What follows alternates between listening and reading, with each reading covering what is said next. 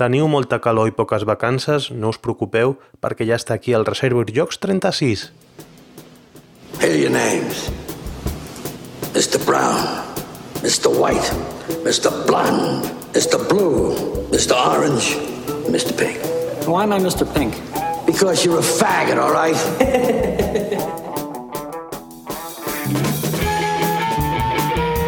Ja estem aquí després del Correjocs i el primer que hem de fer és felicitar els campions.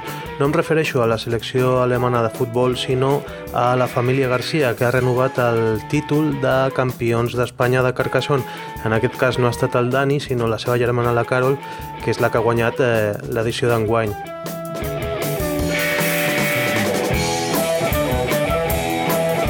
I si parlem de bons premis, l'episodi d'avui és un d'aquells en el que tenim un premi que potser us interessa molt. Es tracta d'un Venetia, el joc de Francesco Nepitello i Marco Maggi, signat pels mateixos autors que ens el van signar a Granollers i és un premi a la participació. Haureu de participar aportant una mica de contingut al nostre podcast i us ho expliquem al minut 121 i mig. Si voleu anar directament perquè us interessa molt, podeu passar fins al 121 i mig i allà teniu les instruccions per participar però jo de vosaltres no passaria perquè venim carregats d'entrevistes i de continguts molt interessants després del tercer correjocs del Club Amatent. Eh, com sempre, buscant-ho al menú.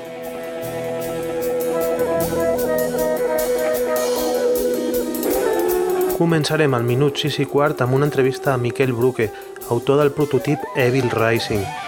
Continuarem al minut 15 i mig amb una entrevista al PAC, el creador de Guerra de Mitos, que ens donarà una exclusiva molt interessant, justament la creació en breu d'un joc sobre Abercami, parlant més eh, intensament a l'entrevista. Continuarem al minut 30 i mig amb Carles Alarcón, propietari d'Assegurat Jocs i patrocinador del nostre podcast, que ens parlarà una mica de les novetats i els jocs que ha portat al Correjocs. Continuarem al 35 i mig amb Eugeni Castanyo, ja coneguts per tothom perquè és l'autor del Cargolino Valentino, però també ens parlarà d'altres prototips que ha portat al racó d'autors del Correjocs. Més tard, al minut 45, parlem també amb un altre botiguer, que és el Jordi Ciprés, de la botiga Jugar per Jugar de Barcelona. Parlem una estoneta, parlem fins i tot de futbol, perquè ell és eh, molt aficionat al futbol, però també fins i tot ens endinsem al món dels wargames. Més tard, al minut 63 i mig, parlem amb Pere Martínez, eh, autor del joc abstracte Kepri, un prototip també que bueno, ja coneixíem al Club Amatent i que també l'hem tornat a veure al tercer Correjocs.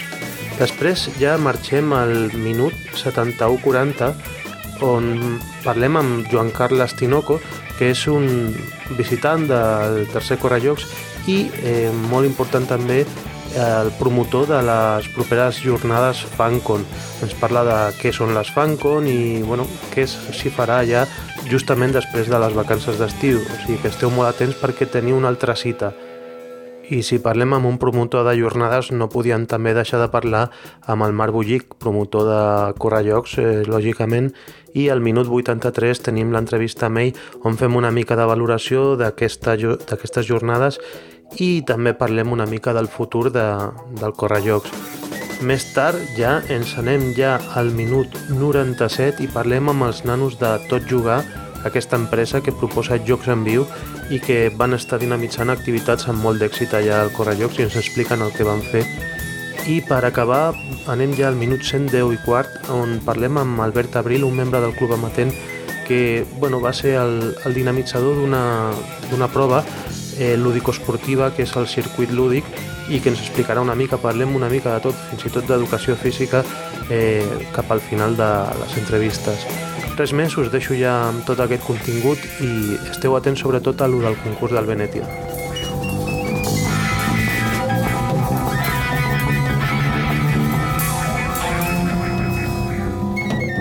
El 99% dels jocs dels que parlem al podcast els podeu trobar a les botigues patrocinadores del Reservoir Jocs, Jugar per Jugar a l'Avinguda Gaudí número 39 de Barcelona i Zigurat Jocs, al carrer Marconi número 2 de Castelldefels.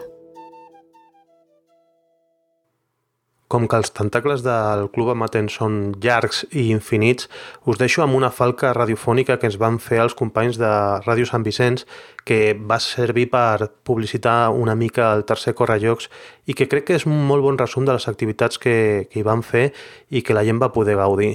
Estàs preparat de nou per jugar d'una manera diferent? Let's get ready to rumble! Vine al tercer Correjocs del Club Amatent, els dies 28 i 29 de juny. La mostra més gran i divertida de jocs de taula moderns.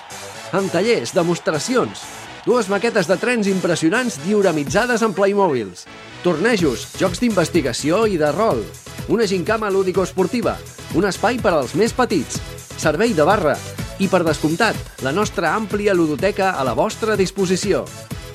Activitats per tota la família i gratuïtes. Tot el cap de setmana de 10 del matí a 10 de la nit. Al pavelló de Sant Josep, just a la vora de la parada del ferrocarril de Can Ros. Tercer correjocs del Club Amatent. Comença la partida. Més informació a www.correjocs.cat. Estem al Correjocs, al tercer Correjocs d'aquí de Sant Vicenç dels Sorts, eh, organitzat pel Club Amatent. I bé, estem a la zona d'autors i tenim amb nosaltres el Miquel Bruque, que tot just està començant a, a fer joc i li preguntarem per aquest eh, joc que ha portat, eh, que es diu Evil Rising. King Evil Rising és un joc sobretot de cartes, però molt temàtic, molt, molt ambientat, no? Sobretot, jo sóc un fanàtic de Lovecraft, m'encanta, tinc tots els seus llibres, i és un tema que m'apassiona, no? Aleshores, volia jugar una mica amb això, però jugar des de l'altra banda, no? Com sent els dolents, no? Qui juguessin entre ells. Cuando el mal despierte, será su cena o su mano derecha? Aquesta és la pregunta que es fa si, en una suposada portada del joc si estigués publicat. Es juga amb cartes, però també hi ha un tauler. Pots explicar una mica la, les mecàniques bàsiques del joc? La mecànica bàsica del joc seria amb les cartes, que és un grimori que s'obre a, la, a la taula, representaria un grimori, amb el qual hi ha una sèrie de conjurs i tu juntant ingredients, que és, és una base que tens a la mà sempre, has d'anar aconseguint punts, al taulell en particular, per arribar a tindre més punts de coneixement màgic que els teus adversaris, en aquest cas. No? Són tots sectaris que estan esperant que s'aixequi el primigeni i que quan s'aixequi devorarà tot, no? Aleshores, d'aquí ve el, el tema de seràs su cena o su mano derecha, quan es llevi o, o bé estaràs al seu costat o bé seràs devorat per ell, no? Amb aquestes cartes vas aconseguint punts, però no només n'hi ha cartes per aconseguir punts, sinó que hi ha cartes també que el que fan és treure punts del contrari, donar-te avantatges per un altre costat, com fer-te la mà amb més grans d'ingredients, etc per poder, al final, quan es completi aquest cercle d'invocació, que és el que està representat en el taulell, poder ser qui tingui més punts. Suposo que el que guanya representa que queda com a deixeble de, del Senyor del Mal. Una cosa que ens ha cridat molt l'atenció són les il·lustracions de les cartes. Eh, és un prototip molt atractiu visualment. D'on has tret aquestes il·lustracions? Com a bon fanàtic de Lovecraft i de tot el terror en general, jo de petit llegia els llibres de Mr. Creepy i, bueno, fixant-me molt en tot això, vaig anar agafant vinyetes dels primers còmics, als anys eh, 50-60. Les vaig després eh, ficar en un programa de disseny, les vaig pintar jo, però bàsicament són aquestes, no?, les que utilitzo. Li dona un rotllo molt entre victoriano, molt còmic antic, no?, que és també una mica el que, el que vull transmetre, no? Recorda una mica l'època aquesta de Providence, d'Arkham i, i tot això en particular. Penso que Lovecraft ha alliberat els drets de Cthulhu. Tu t'imagines si alguna vegada es veu publicat a l'Evil Rising que parli obertament de Cthulhu, que les il·lustracions siguin bueno, del món de Lovecraft? Sí, precisament és el que més m'agradaria, no?, com a fanàtic de Lovecraft que sóc. El que passa és que, clar, sobretot com a prototip, no m'agrada que es vegi tan declaradament, no? Això si en algun moment alguna editorial al final es, es decidís a publicar-ho o jo per la meva compte ja es miraria aleshores de fer-ho més temàtic encara del que ja és, no? Perquè ara sí que ho veus, que està la temàtica aquí ficada, però és, són com visos tot, no?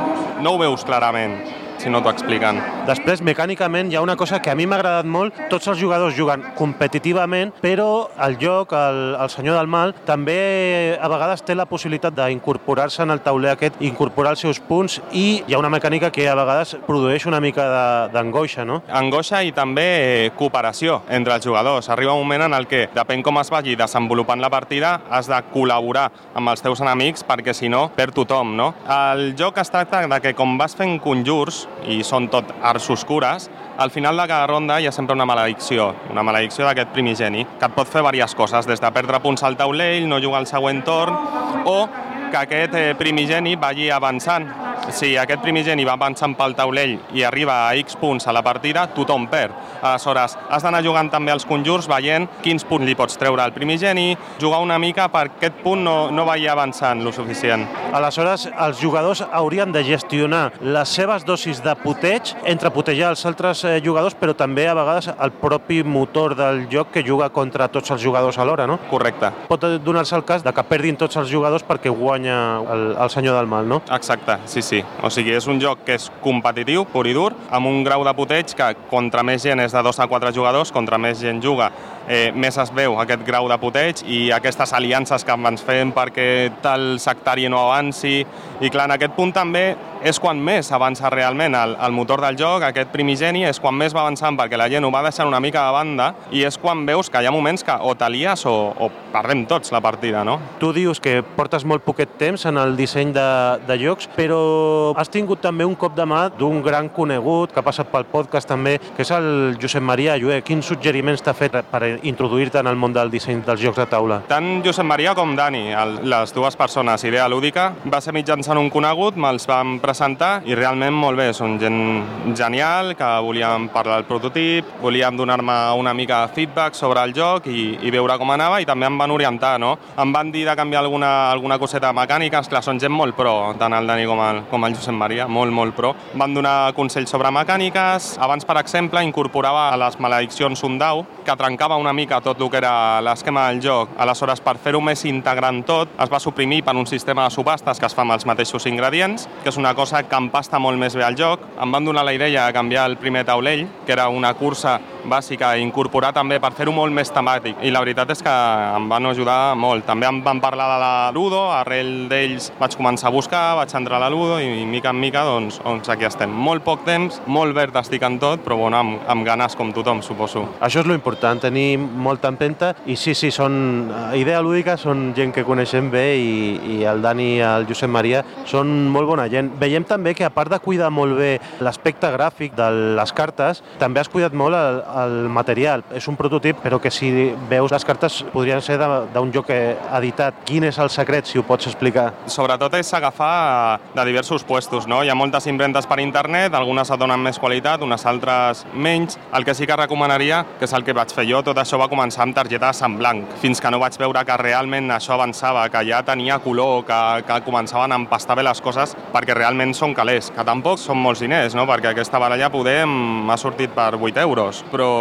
clar, quants prototips se'n faria per 8 euros? Clar, això sobretot és per presentar, perquè és un joc que al ser temàtic m'agrada que sigui molt visual, que entri pels ulls, i ja no només les imatges, sinó el, el material ja la gent quan ve, el toca, l'agafa, no? ja es nota que hi ha una qualitat darrere, no? a més de la mecànica del joc, sinó que ja visualment ven, no? per dir-ho d'alguna manera. Podem dir marques perquè no és un programa de ràdio ni res. T'havia preguntat quan estaven provant això, que és Arscow o Printer Studio? Aquest és Printer Studio, són les cartes de, de Linen Cloth que venen amb, amb una malla de, de cotó per dins, que la veritat és que són molt resistents. També ho vaig fer per això, no? perquè siguin molt resistents, perquè aquest joc ara mateix porta tranquil·lament una, uns 60 tastejos i estan com noves. Però clar, una cosa que quan ja veus que, que està una mica enllestida i que vols presentar i que es vol que es jugui, no? doncs que et duri també en el temps, que no aquí estan fent una, una darrere l'altra no? de còpies. A mi m'agrada perquè has fet l'esforç aquest per tenir-ho molt presentable, però es nota que està en constant canvi també perquè a les cartes, algunes sí que trobem també que tens algunes enganxines que ha canviat el text, o també a les cartes de materials li has ficat números escrits a sobre, o sigui que es veu que t'estàs currant el joc i que li estàs fent partides i que sobretot estàs rebent feedback i aportant eh,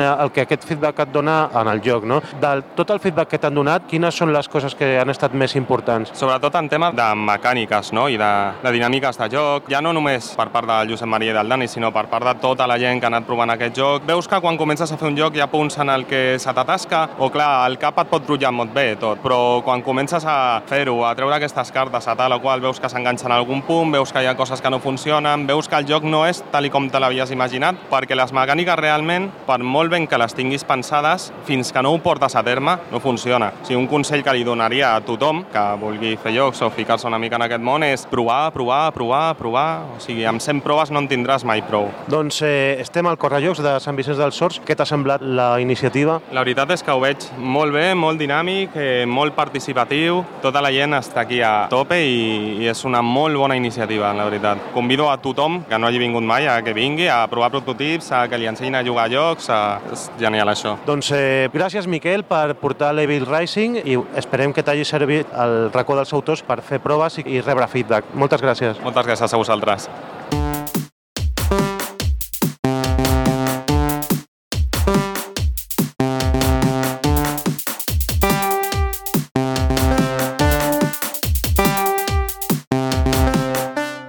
D'entre els autors que han visitat també el tercer correjocs del Club Amatent, trobem el ja famós el, el PAC, creador de Guerra de Mitos. Està molt ficat en, en, en molts temes, però els jocs de taules és un d'ells. Hola PAC, bienvenido aquí al Correjocs. Ya habías venido creo que al anterior Correjocs, ¿no? Hola, sí, sí, habíamos venido, el año pasado estuvimos aquí. Has ido a venir tú, has traído legión de aficionados a Guerra de Mitos, se ha llenado un poco más, pero bueno, estábamos un poco quejándonos de que el sitio igual es demasiado grande para la afluencia que hay. ¿Tú cómo lo, lo ves? Bueno, yo creo que, que nos han acompañado las fechas, ¿no? Hace un día de estos que hace mucho calor, de los primeros de verano, que la gente se va a la playa, hay también algunas, algunos otros eventos, pero el sitio lo veo bastante bien. Bueno, estás eh, curtido en ir a jornadas, en ir a presentaciones. Bueno, ¿qué es lo último que estás haciendo en cuanto a Guerra de Mitos, moviéndolo por ahí? Bueno, Guerra de Mitos intentamos mover haciendo demostraciones y torneos por todos lados. Ahora nos hemos centrado, en todo el norte se está jugando bastante, nos hemos centrado bastante en Andalucía y Extremadura, que estamos empezando a hacer demostraciones con gente que nos ayuda allí en la zona, dando un poquito a conocer más el juego. Guerra de Mitos, para el que no lo conozca, es un juego de cartas coleccionables, corrígeme si, si no lo digo bien, y que tiene ya dos, eh, bueno, el juego inicial y luego han, han ido saliendo diferentes expansiones, ¿no? Sí, bueno, no son exactamente expansiones, porque todas, todas son autojugables. Nosotros lo llamamos entregas. Ahora mismo hay cuatro. Y dentro de, de dos semanas, para el 14 de julio, está preparada la quinta, que son celtas. El modelo comercial, para los que saben cómo funciona el tema, por ejemplo, de Magic, por ejemplo, que ha sido el paradigma de los juegos de cartas coleccionables, no, tú no vendes sobres, ¿no? No, vendemos el set completo. Con cada set completo pueden salir dos mazos para jugadores casual que jueguen, o sea, con un solo mazo juegas en tu casa. Y a nivel competitivo sí que todos los jugadores deben tener todos los mazos, pero sacamos tres expansiones al año cerradas donde viene toda la colección. Guerra de Mitos vio la luz gracias un poco también a, a, bueno, al cofinanciamiento, ¿no? A, a las plataformas estas de crowdfunding. ¿Puedes explicar cuál ha sido la trayectoria de Guerra de Mitos eh, en estas plataformas? Sí, la verdad es que bueno, el proyecto nació un poco en cachondeo, ¿no? Un poco en no hay pelotas, en casa de una reunión de amigos. Nos metimos en hacer un crowdfunding para ver qué repercusión podía tener en el mercado y bueno, sacamos el doble de lo que pedíamos, entonces a raíz de, de esto decidimos pues hacer, hacerlo un poquito más profesional. Y hubo un primer eh, Berkami, ¿fue Berkami? Sí, hubieron dos Berkamis, de la primera y de la segunda. Y a partir de ahí ya, bueno, ya empezamos a tener distribución y a partir de ahí ya nos hemos lanzado al mercado editorial, digamos, en, en el cauce normal, ¿no? Que, que Y números de, de aquellas campañas de Berkami, ¿cuánto pedías, cuánto se llegó a conseguir? pedíamos 2.500 en la primera y hicimos 5.000 algo, no me acuerdo de cifras exactas, y en el segundo pedimos un poquito más, eran 3.000 y sacamos también 5.000 y pico. El tipo de juego, la, la temática que tiene, son los mitos, son mecánicas de, bueno, de cartas. ¿A quién crees que todavía que no conozca Guerra de Mitos, pero que le puede estar gustando Guerra de Mitos y no lo conoce todavía? ¿Quién es el tipo de jugador de, Guerra de Mitos? Yo creo que cualquier jugador que haya jugado a cualquier coleccionable, ¿vale? vampiro sobre todo, porque tenemos un multiplayer que tiene algunas cosas que le recuerdan, leyenda de cinco anillos, que visualmente, yo era jugador de leyenda de cinco anillos y, visualmente se parece bastante, tiene algunas, algunas fases también parecidas. Y bueno, y a cualquiera que le guste la mitología y los juegos de, de un poquito de estrategia, Creo que podemos entrar al jugador de Eurogame porque tiene mucha gestión de recursos entre los personajes que va sacando. Y bueno, en general pues yo creo que a cualquier tipo de jugadores las reglas son muy sencillas y la complicación real del juego está en la construcción del mazo y la estrategia que quieras montar. Porque el tema de los mitos fue un tema un poco también encontrado porque buscabas un tema que no tuviese derechos de autor, ¿no? Porque por temas podrías haber puesto superhéroes o algo así, pero de inicio dijiste algo que no tenga que pagar más para producirlo, ¿no? Bueno, empezamos, primero decidimos qué mecánica, o sea, qué, qué temática queríamos usar y claro, queríamos, el juego tiene que tener un atractivo para, para el comprador, ¿no? Entonces, siempre nos había gustado la mitología y aparte justo en esa época me enteré que, que Mitos de Tulu tenía alguna parte de derechos libre y que podría sacar una expansión de Tulu. Y entonces tiramos a la mitología y a partir de ahí construimos un juego, no es 100% temático. Por ejemplo, hemos tenido alguna queja de que puedes mezclar cartas de japoneses con nórdicos y tal.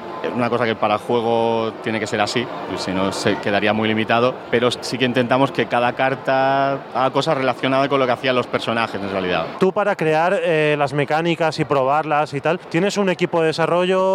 ¿Lo pruebas tú? ¿Lo pruebas eh, con alguna inteligencia artificial? ¿Cómo lo haces? Lo pruebo yo y tengo un equipo de desarrollo. O sea, somos ahora 15 personas en Barcelona, hay un grupillo de testes en Valencia que también son 4 o 5 que, que, bueno, vamos sacando ideas entre todos y, y, se prueban que esté todo bastante nivelado. Del éxito de las campañas de Berkami, llega un momento que no sé si eres tú el que tocas la puerta de Berkami o es Berkami el que te va a buscar a ti y ahora estás ahí haciendo una labor, ¿no? En Berkami. Sí, estoy trabajando de asesor de toda la sección de juegos de mesa. La verdad es que fui a picarle la puerta, pero no fue con Guerra de Mitos, ¿vale? Porque viniendo de Essen del año pasado se me ocurrió sacar un juego sobre crowdfundings y se lo presenté para que se lo quedaran como marca propia, para que el juego se llamara Berkami.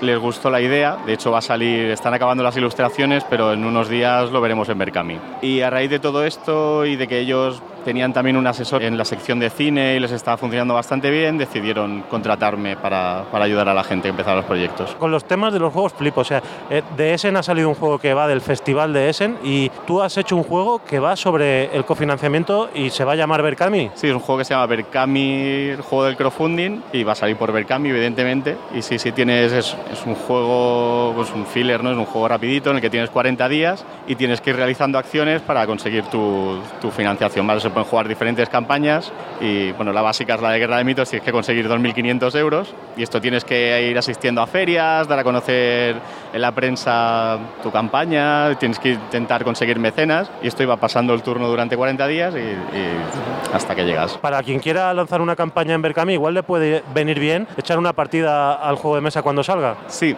sí, sí. Y, y además toda la gente con la que he jugado que había ya hecho alguna campaña de mecenazgo eh, ven que refleja muy bien cómo funcionan. ¿no? Los primeros días subes más, luego tientas un poco la suerte y los últimos días pues tienes el, el, subidón final. Podríamos decir que es una exclusiva porque yo no, no lo había escuchado. No sé si, si, lo has comentado en algún otro sitio. Sí, se ha comentado en algunos círculos cerrados y eso y lo he enseñado a amigos sobre todo, pero sí, sí, es, es una exclusiva. Luego también tú como estás ahí como asesor tendrás también información privilegiada de futuros juegos que pueden salir por Berkami. No te voy a pedir que desveles nada, pero se está moviendo la cosa. Hay, hay cositas interesantes que puedan salir en un futuro. Sí, la verdad es que y además este mes porque la gente llega al verano, tiene un poquito más de tiempo. Para este mes tenemos ocho programados para que salgan. Estamos acabando de ajustar las recompensas y costes de producción y bueno, algunos últimos detalles, ¿no? Siempre estamos un par de semanitas hasta que deja la campaña bonita, se, se hacen los vídeos, se ponen fotos, que quede todo muy visual. Pero sí,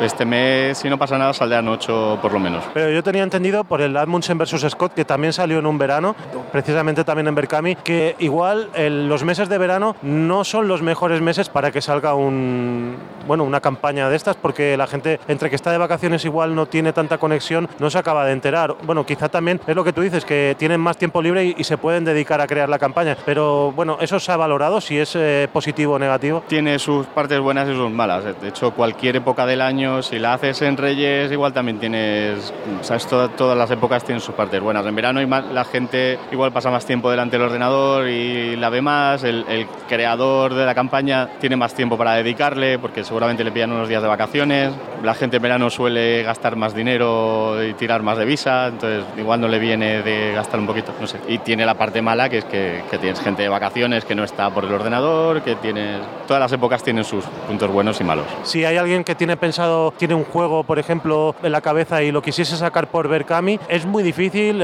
Pregunta, por ejemplo, que se me ocurre ahora, ¿tienes que pagar los autónomos o puedes empezar la campaña sin necesidad de toda esa burocracia, crear empresa, todo eso. Crear empresa y autónomos y todo esto mm, solamente la tienes que crear una vez has acabado la campaña si quieres hacer un juego comercial.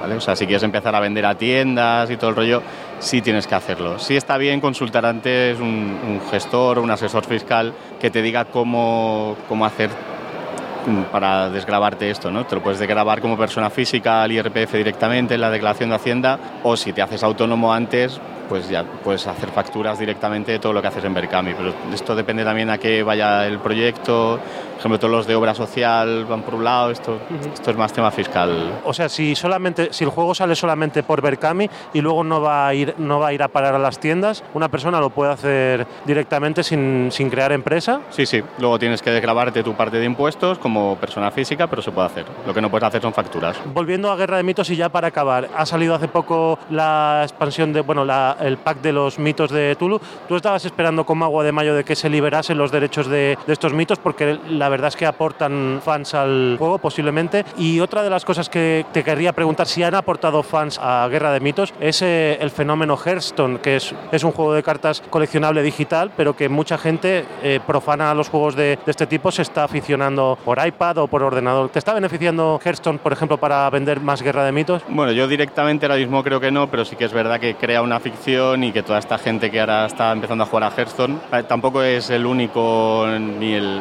ni el primero, ¿no? Habían otros juegos antes, habían hasta juegos para Facebook de cartas coleccionables. Eh, está bien que la gente empiece a jugar a cartas, y, y, a raíz de ahí vaya mirando otros juegos que hay y tal. Y lo de mitos de Tulu, bueno, pues como he dicho antes, no, o sea, yo nos, me enteré cuando estaba creando todo el mundo de mitología y tal para el juego que se habían liberado, entonces, pero sí que me ha ayudado a, a encontrar más gente para el juego, así que es un, es un buen reclamo. A veces eh, fuera de micro y cuando nos hemos encontrado en otras jornadas o eventos, hablamos un poco de, de la trayectoria de Guerra de Mitos, si va a llegar, si va a trascender fuera de las fronteras españolas y, y bueno, haces comentarios muy positivos sobre, sobre esto. ¿Qué nos puedes decir de, de, la vida que está teniendo Guerra de Mitos fuera de las fronteras? Ahora mismo estamos acabando de negociar para llevarlo a, a toda Hispanoamérica. ¿vale? Tenemos en Chile, en, en Argentina y México, sobre todo tenemos mucha gente interesada en el juego. Entonces hay problemas con las aduanas y tal, con temas de, de, importación allí que estamos intentando acabar de solucionar para que las tiendas tengan un precio allí decente, ¿no? Porque, por ejemplo, hay, hay algunos países que llega a ser un 140% el valor del producto aquí. Y por otro lado estamos preparando la edición en inglés, ya lo tenemos todo traducido, teníamos un precontrato con una empresa de Estados Unidos que al final nos dan unos plazos que no, que no nos interesan y estamos hablando con otras. Pero yo creo que para principios del año que viene o finales de este tendremos una edición en inglés. ¿Países más lejanos hay algo en vistas? Bueno, tenemos ahí una cosilla con China pero... para imprimir en mandarín, pero esto va todo muy lento porque te, traducciones y tal. Va lento, pero sí, sí, te, existe. ¿Y no tienes el miedo de si entras en China que te lo copien? Bueno, es que el miedo a que te lo copien es que te lo pueden copiar igualmente, ¿sabes? O sea, pueden venir aquí, comprar un mazo, copiarlo y hacerlo. Entonces, siempre hay miedo de todas estas cosas, pero al fin y al cabo, si te lo copian y hacen un juego famoso, bueno, pues es un juego que has hecho tú, sí que tiene su parte mala, que no te estás llevando tú los beneficios que se los están llevando ellos, pero bueno, es un riesgo que hay que correr. Siempre que publicas algo, lo van a copiar. No, de hecho, ya, ya ha pasado con autores españoles, con Josep María Llue, puso unas fotos de algunos, de un Baobab, creo, eh, copiado. Del Jinx también he visto que ponía fotos por ahí. Y bueno, si te copian tampoco es mala señal, ¿no? No, si te copian quiere decir que algo estás haciendo bien y que, que gusta el juego por ahí. ¿eh? Pues muchas gracias, Pac, por venir aquí al Correjox y, y bueno, eh, esperamos verte pues en más eventos y, y, verte con Guerra de Mitos y con toda la afición que arrastras, porque has venido tú y ha venido un montón de gente. Sí, la verdad es que en Barcelona estamos haciendo dos o tres torneos semanales y tenemos una media de 20 personas, o sea que, que está yendo muy bien el juego organizado aquí. Los torneos estos organizáis, eh, ¿qué reclamo hay? ¿Hay algún premio en material o hay algo? Damos siempre cartas promocionales, que son cartas, tenemos fichas de cartas creadas y cosas que no, o, o artes alternativos, por ejemplo tenemos una full bleed. Hoy, por ejemplo, estamos regalando unos contadores muy chulos para que hemos hecho troquelados de cartón y premios en saldo en tiendas siempre, porque intentamos también dar torneos a todas las tiendas que, que nos llevan el juego. Entonces se cobra una pequeña inscripción que se reparte entre, los, entre el top 4. Ayer estuvo aquí en el Correjocs, Chechu Nieto, sé que te ha ilustrado alguna de las cartas. Esto también en Guerra de Mitos eh, van teniendo como cabida algunos ilustradores con caché y tal, y también salen algunos otros que están ilustrando cartas y que, y que bueno, se están haciendo un nombre, están trabajando ahí. ¿Quieres mencionar algunos de estos artistas? Sí, bueno, tenemos a Chechu, como bien has dicho, que cada vez se está metiendo más en el proyecto. Tenemos a Siscu Bellido, que también nos ha hecho alguna cosa. Héctor Herrera, que ya era profesional, trabajaba para EG, para la Leyenda de Cinco Anillos. Ya tenemos, bueno, ya han venido a firmar aquí Carlas Hernández, sí, Carlas Hernández y Marina Polo, que también son dos ilustradores, bueno, que son noveles, no tenían nada publicado, pero, pero se les estamos viendo una progresión muy importante. Ramón Romero también es otro que no había publicado nada. Y bueno, es que te podía hablar de los... Ahora tenemos 43 y, a todos les vamos viendo una progresión muy importante. Bueno, pues eh, que lo sepan, si escucha algún ilustrador en potencia esto, pues que Guerra de Mitos puede ser una puerta de entrada al mundo de, los juegos de cartas, ¿no? Y, y, de hecho está siendo así para algunos, ¿no? Sí, sí, sí. Además, algunos de nuestros ilustradores le han salido algunos trabajos por ahí aparte. Tenemos también a Ramses Bosque, que se, ha hecho, se hizo su propio juego y también nos siguió, vio que se podía ver cam y tal, nos siguió un poquito los pasos y está también ahí dándole caña con su juego y ahora le están saliendo todos los trabajos a raíz de esto. Pues muchas gracias, Pac, por toda la dedicación que tienes con el mundo de los juegos de mesa y, bueno, con Guerra de Mitos y Berkami y todo lo que venga, porque sé que estás liado en mil cosas. Sí, la verdad es que estoy liado casi en más de las que puedo, pero bueno, un placer estar aquí con vosotros y, vosotros también le dais mucha caña a promocionar todos los juegos haciendo estas, estas actividades que son un curro. Gracias, Pac. Gracias a vosotros.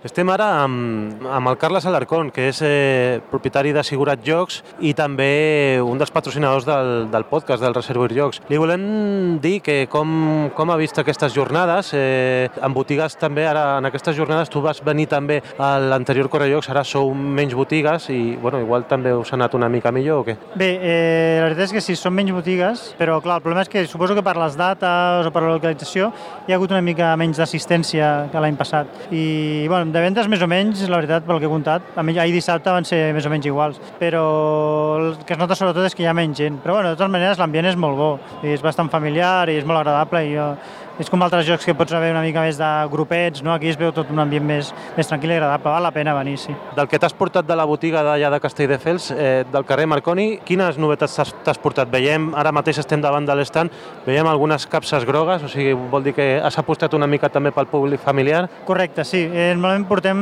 acostumem a portar producte de Java, que és un joc infantil, perquè és un producte que acostuma a funcionar. Són jocs ràpids, que visualment enganxen els nens, estan fent, dissenyats ja perquè entrin pels ulls i sempre acostumem a portar una bona selecció perquè tenim oberts.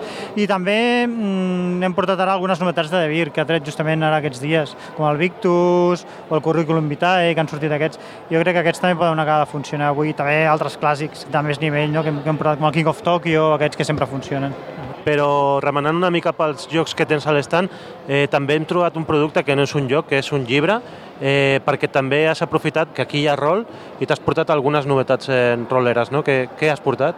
Sí, és veritat. Mm, van comentar que hi haurien demostracions de rol i aprofitant, com a mínim he portat una mica d'oferta perquè la gent sàpiga el rol més o menys que ara existeix. He portat eh, la nova Star Wars, que ha sortit ara, el joc de rol, el, el core book, el llibre gran, com si diguéssim, manual bàsic, i he portat també Pathfinder, que és un joc que ara han traduït de Vir a castell, de castellà de l'anglès, que és un joc que és, pràcticament ara és el número 1, no? rol mundial, i també he portat el de Edge, que és el Fiasco, que és un joc de rol divertit, més desenfadat, no? És un joc que val la pena també provar-lo. Mm, jo li dono bastant al, als Eurogames, però el Fiasco m'atreu. Eh, tu creus que és un joc de rol accessible per públic que no estigui acostumat a jugar a rol? Home, més accessible, el problema és que el rol, la gent que no està acostumat, és difícil que faci la idea del que és rol. Molta gent, clar, a més, en tot el, va haver uns anys que va haver males notícies sobre el rol, ja tenia mala premsa, i és difícil que la gent faci una idea. Potser no és el joc més indicat per començar, no? Jo buscaria un joc més de fantasia clàssic, o alguna idea, encara que sigui el Pathfinder, intentar simplificar algunes normes, però seria un joc que seria més adaptat per començar. El fiasco jo veig més, un pèl més enllà, un cop ja es tingui una mica, s'hagi entrat en el rol, provar-lo potser més endavant. I també també sabem, els que visitem la botiga de tant en tant, sabem que tens eh, bastant estoc de, de Wargames, perquè tu també ets de la vella guàrdia, i aquí a les jornades t'has portat o ja és un producte que confies més que la gent te'l compri directament a botiga? No, la veritat és que normalment porto molt poca cosa perquè és un producte massa especialitzat per tipus de públic que ve Potser en algunes jornades més concretes potser m'atreviria a portar més, però clar, aquestes de caire familiar, el màxim que he portat ha sigut un Twilight Struggle, que per ser s'ha venut, i el, el Senderos de Glòria, que ha traduït a de Vir, per si de cas hi ha gent que li pugui interessar la traducció, no el joc que està a la... Però els que són els jocs forts que estan en anglès mm, no els he portat, perquè jo crec que és un públic molt minoritari que difícilment trobarem en aquestes fires. No, crec que no val la pena portar-los, encara que per mi, clar, són jocs molt bons, però clar, són moltes hores, molta dedicació i difícilment trobarà ja sortida en una fira d'aquest caire. En el podcast hem parlat que també estàs intent... bueno, que ja estàs capficat en la, en la renovació de la pàgina web i ja hem vist eh, una primera portada i que fa molt bona pinta. Estàs eh, mig de tenir la botiga ja online i, i no, no? Com està el tema? Sí, eh, la veritat és que aquesta setmana, justament ara que em preguntes, estem, estem a punt d'incorporar ja el, el que és el carret de la compra, no? per poder fer, començar la venda online. Jo crec que en plaç de dues o tres setmanes la web ja tindrà una cara ja bastant completada i després de l'estiu jo crec que ja estarà, si no al 100% ja, ja com per, preparada per vendre sense problemes, perquè encara falta introduir una bona part de l'estoc, però vaja, estem introduint els productes més vendibles, no? i jo crec que a partir d'aquesta setmana o la següent ja tindrem el carret de la compra i ja podrem començar a funcionar. Doncs, eh, bueno, gràcies per venir al Correllocs i bueno, per eh, això la reincidència que vas venir al segon i ara estàs aquí al tercer i bueno, lamentem una mica que les dates i tot això que comentes que sí que és cert, però, però bueno, si pel tercer Correllocs eh, esperem també comptar amb tu i, i, bueno, i que també, perquè estàs explicant, estàs fent una tasca també de divulgació, que és el que feu les botigues eh, físiques i, i bueno, molt agraït. Gràcies a vosaltres per convidar-nos i l'any que ve segur que tornarem, no hi ha problema, segur.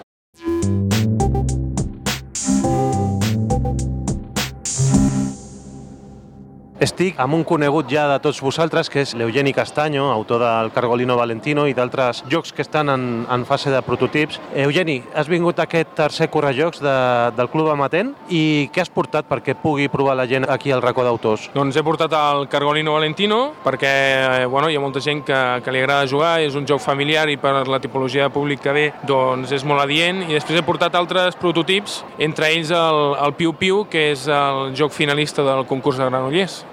Aquí, doncs, bueno, en el racó dels autors doncs, també doncs, ha estat molt, molt productiu perquè ens hem trobat, l'hem pogut posar en pràctica i les recomanacions que et fan sempre et serveixen per, per poder continuar millorant i, i que segueixi creixent. També hem vist una partida un dels teus altres prototips que és eh, Ship, una noche d'insomnio. Pots explicar de, de què va aquest joc? Perquè és una mica diferent a, al que hem pogut veure. Doncs és un joc d'habilitat en el que dos jugadors competeixen per veure qui és el que aconsegueix dormir-se abans que l'altre. Aleshores hi ha cinc proves, de les quals doncs, per eh, ser el guanyador final has de guanyar tres. Aleshores, en aquest sentit, nosaltres el que provarem és a partir d'unes ovelletes, en forma d'ovelleta, doncs les farem saltar per sobre una tanca intentant superar diferents proves. Hi ha alguna prova doncs, que has d'intentar que les ovelles passin a l'altre camp, les altres que moguin la tanca i que quedin al camp del contrari, les altres fent una torre... Són diferents proves d'habilitat però que resulten molt divertides i que causen molt bones sensacions. Quina és aquesta obsessió teva pels animals? Perquè tots els jocs, un cargol, unes ovelles, uns ocellets que eh, es posen a un arbre, per què, per què tants d'animals a, a les teves creacions? Bueno, potser les temàtiques em porten cap aquí. En algun moment he intentat eh, transportar aquests mateixos jocs a altres temàtiques més complexes o més, més, més adults, però no, ara per ara doncs, funcionen aquestes, la veritat és que són atractives i, i bueno, ara els animals són, són, són agraïts tant per nens com per adults, aleshores en aquest sentit doncs, estic, estic content. De totes maneres, com deia abans, hi ha algun que ja l'estic intentant reconvertir perquè, perquè sigui un joc encara més, més formal, més, més d'adult i bueno, ja més endavant doncs, eh, espero tenir l'ocasió de poder-lo presentar. Parlem ara del Piu Piu Tri, o Piu Piu, ha estat finalista al concurs de creació Ciutat de Granollers. És un joc que té una temàtica així que pot ser molt atraient pels nens, pel, per lo dels ocells, però és un joc, a veure, que té una complexitat i que és un joc per adults, podríem dir. Sí, la veritat és que és un joc més aviat per adults. És un joc que, malgrat l'aparença que té, com deies abans, no? d'animals, un arbre i ocells que has de col·locar d'una branca a una altra, és un joc en el qual és complexa perquè, doncs, eh, malgrat només has de fer sumes i restes, doncs, bueno, has de tenir un punt d'estratègia important i saber fer o saber utilitzar doncs, les teves jugades de la millor manera. En aquest sentit, eh, l'acollida també ha estat molt bona. Eh, del concurs la valoració va ser molt positiva, el que passa que bueno, jo mateix reconec que hi havia qüestions que s'havien de polir i mica en mica ho estem fent. Des de la Fira de Granollers fins ara ja s'han canviat algunes, algunes qüestions, alguns aspectes, i penso que ara mateix doncs, encara pot abarcar un públic més, més gran i resulta doncs, igual de divertit, però potser una mica més fàcil de poder jugar. Quan vens aquí al racó dels autors del Correjocs del Club Amatent, a part de mostrar els teus jocs, també has pogut provar d'altres jocs a lo millor editats i també jocs d'altres eh, autors novells. Eh, què has provat fins ara que recordis? Doncs ara, ara per ara doncs, hem provat eh, un parell de, de jocs de, del Pau Moré, que, que són molt divertits. També són de temàtica infantil, i, però igualment atractius per, per adults. Eh, vaig provar un altre del Toni Serra de Sant Ferm, de contes infantils, també molt interessant, en el, en el qual doncs, aquí ja havies d'utilitzar una mica la memòria. Avui he provat el Kepri, que és un conegut vostre, eh, que ha vingut moltes vegades, crida molt l'atenció a nivell visual, sabia que era un bon joc i la veritat és que s'ha confirmat. Trobo que és un joc molt interessant i, i també molt divertit, on l'estratègia doncs, juga un paper important i conforme vas jugant partides doncs, també surts guanyant. I després, bueno, doncs, sempre doncs, acabem utilitzant algun joc de la ludoteca de Matent, que és agraïda i sempre ve de gust doncs, provar algun joc que, que no tens i que aquí, en canvi, doncs, sí que en disposeu i poseu a l'abast de tothom. Un dels jocs que has provat de la ludoteca és el Carcassonne Mares del Sur. Tu, com a aficionat al Carcassonne i gran competidor, perquè ens hem trobat moltes vegades a, a campionats eh, classificatoris pel Nacional, i què t'ha semblat aquesta revisió eh, caribenya del Carcassonne? Bueno, M'ha resultat interessant. Suposo que les persones que ens agrada molt el Carcassonne, doncs eh, qualsevol edició que puguin treure o ampliació sempre la tindrem en compte i la valorarem. En aquest cas jo pensava que el joc era una simple variant amb pocs canvis, però realment eh, entranya doncs, algunes dificultats més grans que l'altra en el sentit de, de, de ficar els recursos i haver-los utilitzar. I, bueno, eh, ha estat divertit.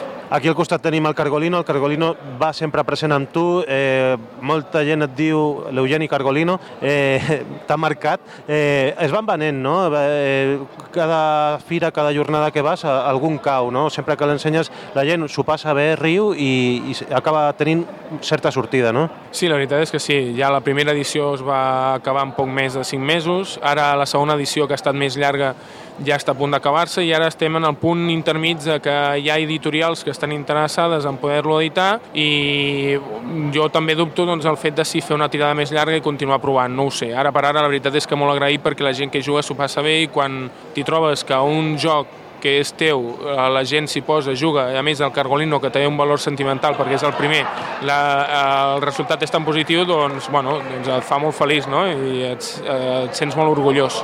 És això el que et anava a preguntar, perquè el valor sentimental que té per tu el Cargolino, dius que hi ha editorials interessades, sabem que va provar sort a Java, a Alemanya. Tu et deixaries que el Cargolino s'emancipés i deixés la teva casa i que volés fora de, del teu àmbit? Sí, ara mateix la veritat és que una vegada jo he comprovat que el joc funciona, que té una bona acollida i que fins i tot algú és capaç de comprar-lo, i no algú, sinó que en aquest cas són centenars de persones que ja, ja el tenen a casa, Ara la intenció més aviat seria doncs, el fet de poder donar-li sortida al joc, que arribi alguna editorial i a partir d'aquí doncs, estigui present en botigues. No? Seria com un altre, un altre repte. Això també em permetria doncs, continuar treballant amb altres jocs com el Piu Piu, com el Ship, no? el Pirates Troleros, que l'any passat el van presentar aquí al Correjocs, i, bueno, i poder-los poder també donar sortida amb ells, que també estan tenint una bona rebuda.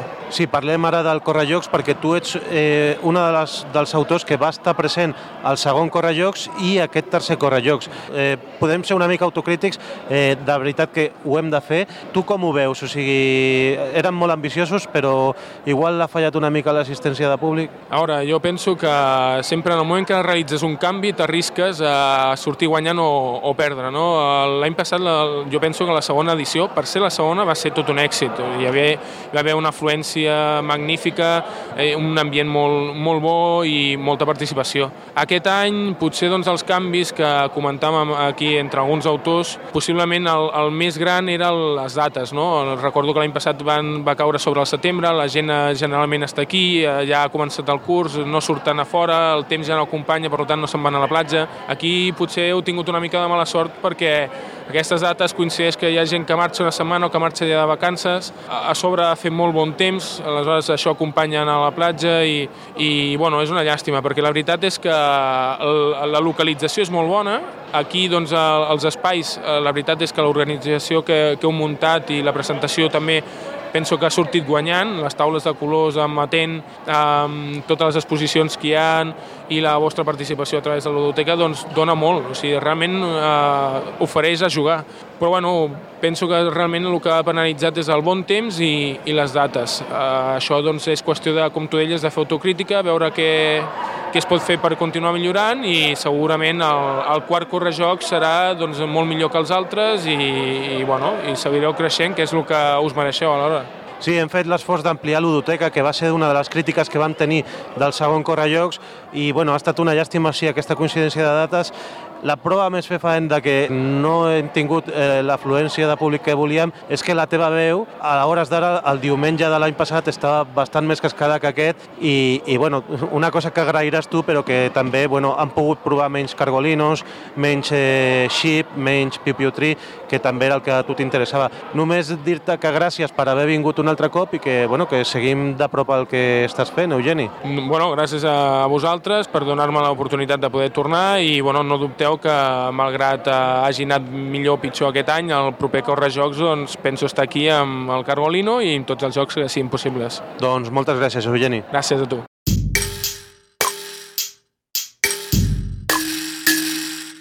Doncs ens trobem amb un altre dels botiguers que està aquí a, al tercer Correllocs, que és un dels que ens acompanya des del primer, el segon i el tercer Correllocs és el Jordi Ciprés de la botiga Jugar per Jugar de Barcelona, de l'Avinguda Gaudí. I bueno, primer de tot eh, el felicitarem perquè perquè ell és colchonero, no? I van guanyar la Lliga, podien, podien haver guanyat un altre títol, però bueno, no sé què va passar. I, bueno, primer de tot, felicitats. Gràcies, gràcies. Això ha sigut un cop baix. Encara no he superat la segona, eh? Però bueno, bé, bé, contents. Sí. Evitarem dir el nom de Sergio Ramos a l'entrevista. Com si no hagués sentit. Bueno, pues, eh, bueno, dir-te això, que com heu reincidit i heu vingut des del primer, que eren, eren quatre carpes al carrer davant de la biblioteca, no érem, érem molt poqueta gent i tal, com heu vist l'evolució i també ja diem d'avançades que fem una mica d'autocrítica perquè, bueno, per les dates i el lloc i tot això.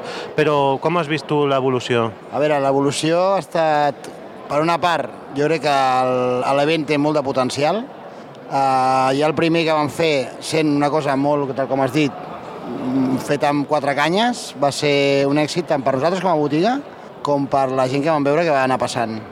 El segon, com a botiga potser va ser una més fluixet perquè bueno, hi havia potser massa, massa oferta de botiga per l'espai que era, tot i que l'espai era molt millor, almenys era més gran.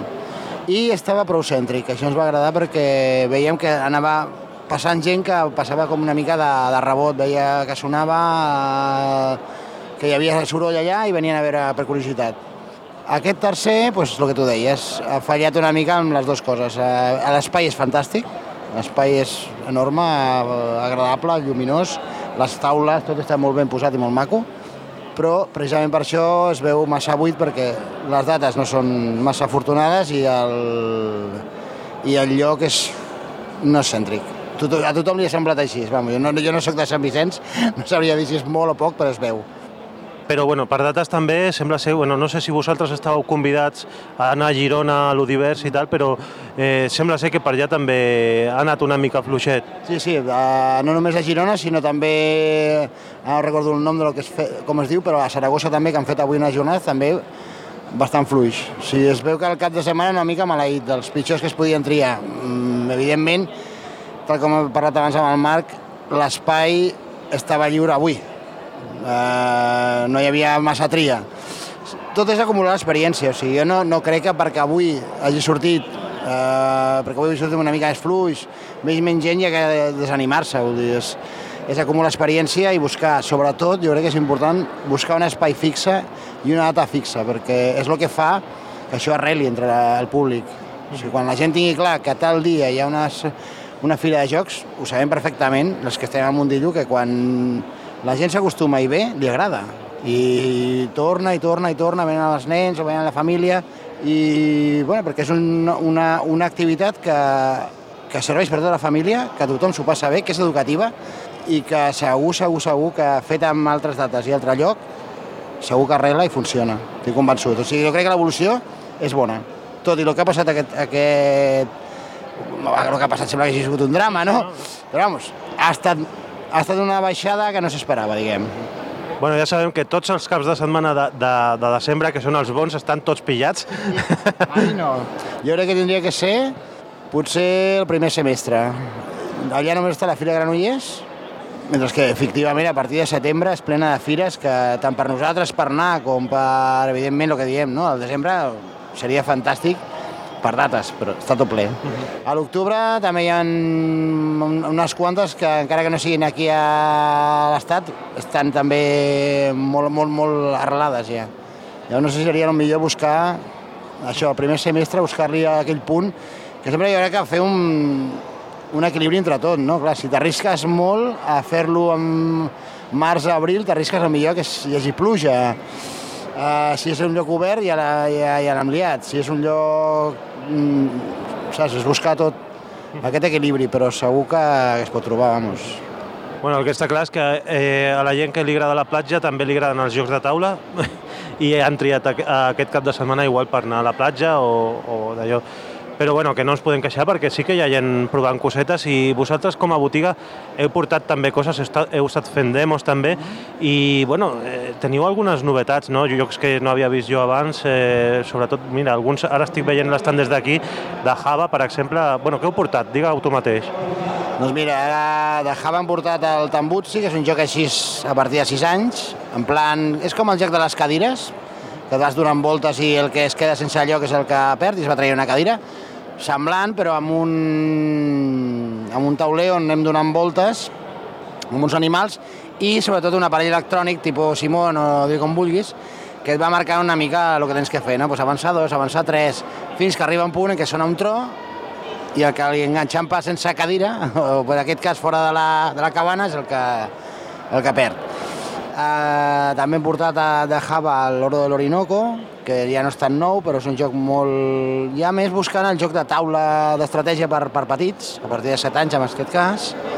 Sí, perquè porta un segell d'Espiel de, des Jares eh, infantil o alguna cosa així, no? Sí, sí, sí, va ser l'Espiel des Jares infantil i realment és una mica fora, no fora de la línia de Java, eh, perquè també tenen bons jocs d'estratègia, però ja buscar més apropar-se al joc de tauler d'adults, però amb, a partir d'unes edats una mica més, a partir de 6-7 anys. Després també de fora de lo que és de nens, de De Vir, per exemple, ha portat el Currículum Vitae, que és un que ha sortit ara nou, el Carrer de la Vida, i la veritat és un joc que és força divertit, eh, de dos a quatre jugadors, serveix per tots els públics, perquè realment no és gens complicat, però té mecàniques que ja són més pels cogones, no? O sigui, realment és un joc que el disfrutes, sobretot el disfrutes si et fiques amb el tema és d'aquells jocs que requereix una mica de quan jugues, no? Si jugues fredament, jugo aquesta carta, jugo l'altra, perd una mica, però si t'imagines allà, bueno, doncs ara em caso i, hòstia, no, mira, doncs ara en lloc de passo de la dona i, i me'n vaig amb els amics de la facultat, o ara era becari i ara sóc director d'empresa. Si et fiques amb, amb les cartes i vius una mica, és molt més divertit.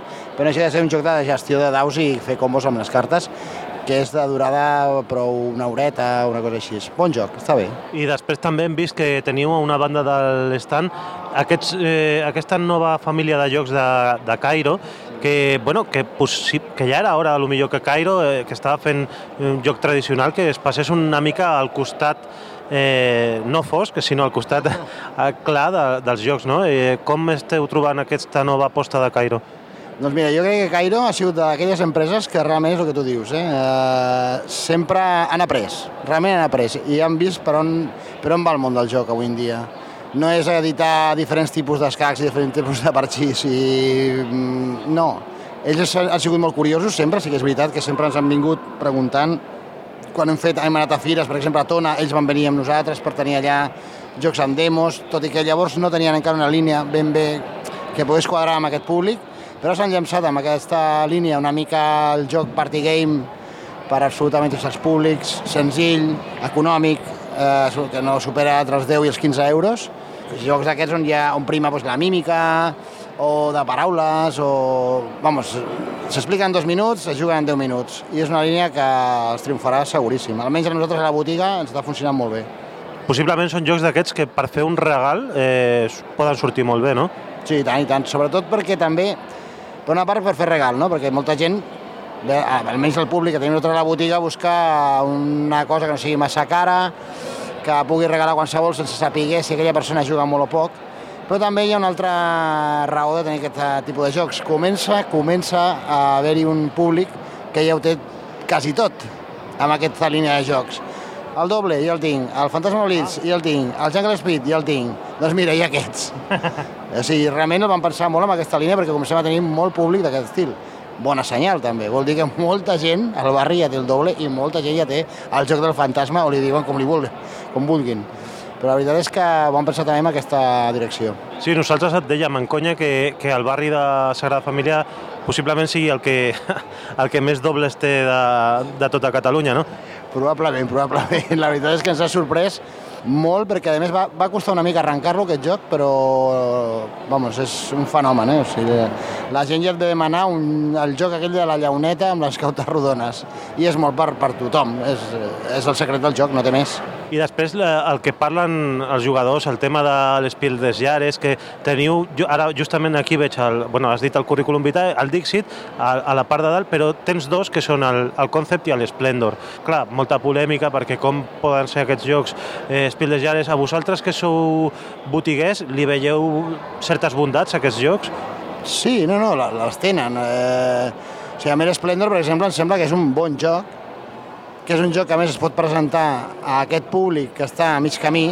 No diré que a un públic que no ha jugat mai a res, però aquells que han dit, ostres, pues mira, he jugat al Carcassona, o és igual, he jugat al Jungle Speed, i ara voldria jugar un, un joc així en família que podem jugar amb mitja horeta, senzill, surt bé, surt bé. Evidentment, sabem, i jo estic dins d'aquest grup i el Fred també, que, bueno, que els, els jugones ens mirem moltes coses que la gent no s'hi mira normalment. O sigui, ostres, és que val això i la capsa tampoc és que sigui el millor el que hi ha dins, hi ha molt d'aire, o el joc és que sembla molt a un Seven Wonders però més tonto. O... Sí, sí, però és que la gent ni sap el que és el Seven Wonders, aprecien que el joc estigui bé, que el material sigui correcte i que el puguin disfrutar. A lo millor no es fixen tant i ojalà en un futur es fixin en aquests detalls. Voldrà dir que estaran ficats ja amb, més en mundillos i amb més crítics, és el que cal realment, eh, ser crítics en el món del joc per evolucionar. El concept pot li passar una mica el mateix, és un públic molt, molt per tots els públics, amb un concepte, eh, valga redundància, que, que és innovador, tot i que pugui tenir-hi coses que dius, ostres, sembla el Dixit, sembla... Però és que li falta, realment li falta, eh, una part de, de com puntuar, digue-li, de com, de part de competitiva. Aquesta li tens que posar tu una mica. De totes maneres, és un joc que està, està, està sortint prou bé, també per, per públic que busca el joc de, sobre, de, de, de sobremesa. No? Després de dinar anem a fer una partideta, això. I que funciona bé també amb famílies que bueno, volen posar un repte una mica als seus nanos, una mica una cosa diferent. Xavals a partir de 8, 10 anys, ostres, però tenen que expressar una sèrie d'idees amb uns conceptes determinats com a eina no em sembla, em sembla ben curiosa i ben, ben aprofitable. Ara, és això, discutible sempre, gustos els que vulguis. Parlem de, de Wargames, perquè fa poc et va anar a la botiga un autor de jocs eh, català, el Pere Pau, i et va comprar a tu, l'Alfred, el Sekigahara. L'ha tret a 5 minuts per juego i m'agradaria saber si, si ha tingut un cert efecte, si hi ha gent que t'ha preguntat pel joc o, o, o, bueno, o si s'estan tornant a posar de moda els jocs de blocs o alguna cosa, si té algun sentit eh, això. Sí, sí. A veure, no, la veritat és que Pere Pau ens ha fet molt bona propaganda del, del joc sí que he notat que s'ha venut una mica més. És un joc que ha sortit bé sempre. Des que va sortir que no, no fa tant. Per què? Perquè, bueno, per molta gent... O sigui, el Pere Pau va venir a mi precisament a la botiga per això, perquè volia introduir-se al món del Wargame. I què, amb què em puc ficar? Perquè una vegada vaig comprar X Wargame i no en tenia res. Clar, ara, abans no hi havia uns jocs com el Sakigahara, tret d'algunes honorables excepcions, que es poguessin jugar ràpid, que es poguessin agafar bé la idea, que tinguessin una part estratègica i que es poguessin considerar Wargames siguin de blocs o siguin de fitxes, és igual. Uh, la veritat és que el Segahara té aquestes característiques i per això, tot i que el seu preu tampoc és superassequible, però bueno, és un joc agradable amb el sentit que el material és en fusta i un disseny que per mi és molt, molt maco, i bueno, doncs sí que es nota que hi ha una mica més de moviment de gent buscant aquest estil de jocs eh, més assequible. Això no vol dir que hi hagi una... No, crec jo que hi hagi una, un boom de wargamers. no crec que hi hagi mai, sincerament. És una afició molt, molt especial i hi haurà, hi haurà qui voldrà jugar al Sekigahara però no, no voldrà seguir endavant. Igual que ja tenim molt públic de la botiga que es compra el Memoir 44 i mai més voldrà jugar a altra cosa més, molt més evolucionada o molt més complicada. Però vamos, crec que sempre està bé que hi hagi aquesta mena de jocs perquè no tot té que ser... El contrari seria fer-lo encara més elitista, vull dir, seria encara pitjor. Victory Point Games ara està traient una... Bueno, són jocs més guapos. Eh? Ells abans feien... Et venien el joc en un sobre, en una bossa zip i, i ara surten amb capsa i tal. Aquest tipus de joc el teniu a la botiga o, o per Wargames preferiu tenir GMTs i altres històries? Doncs mira, hem obert una mica la línia dels Victory Point precisament per, perquè ens han demanat molt, molta gent. Al principi no... Bueno, tenia, havíem tingut algun, solitari sobretot, perquè el món del solitari sí que és veritat que sí que hi ha una mica de pujada, no sé si és un indicador de la societat que vivim, que, que la gent ja viu sola o no, no som sociables, però espero que no, però de totes maneres sí que és veritat que és més difícil trobar un oponent per Wargames, probablement. Aquest és el problema, a lo millor. Bueno, tornant als Victory Point, la veritat és que eh, precisament fa un parell de dies vaig jugar una partida a un, al Golan Heights, de la guerra de, de, del, del 73, entre Síria i Israel, i la veritat és que és un gran, un gran wargame d'iniciació. O sigui, té quatre regles, no és gens complicat, tens 20 fitxes i realment trenques molt la closca, que és el que se li demana a un joc així.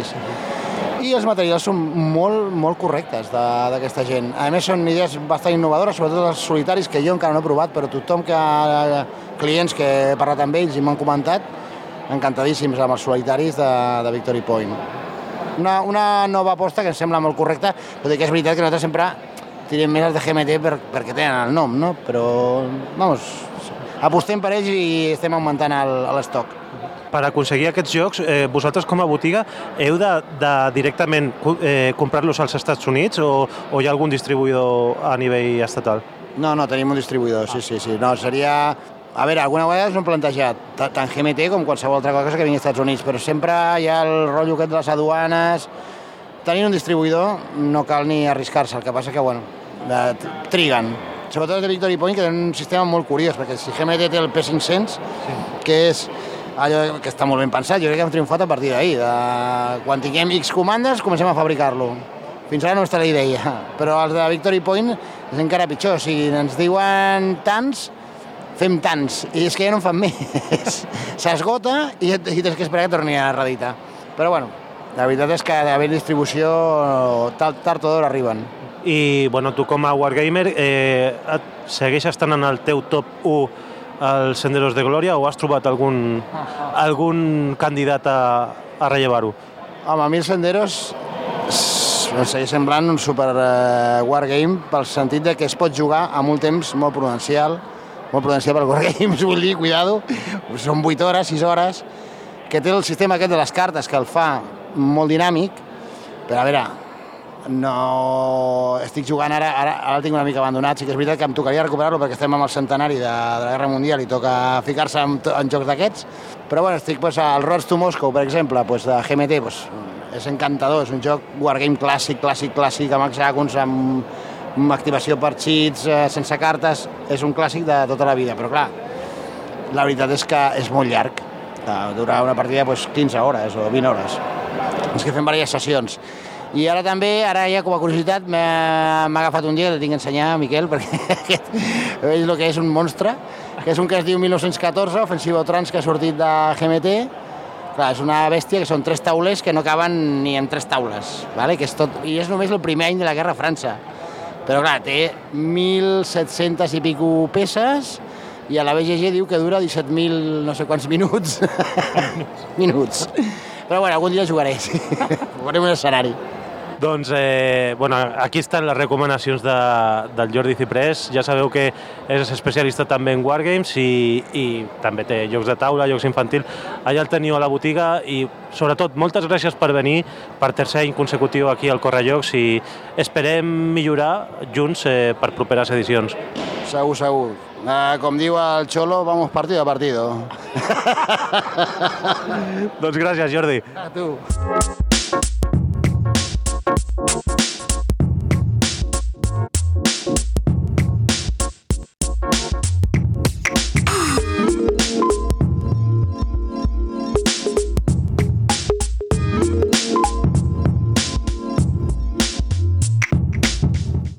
Seguim amb els autors que han vingut a aquest eh, racó d'autors eh, del tercer correjocs del Club Amatent de Sant Vicenç dels Sorts. És un autor que ja coneixem perquè va venir també un dia al Club Amatent a, a presentar el seu Kepri també. És el Pere Martínez, que bueno, ja ha dit el nom del joc, el Kepri. Explica'ns de què va aquest eh, Kepri. El Kepri vol representar uns jocs mm, intermig entre un escaig i una puntuació de 3 en ratlla.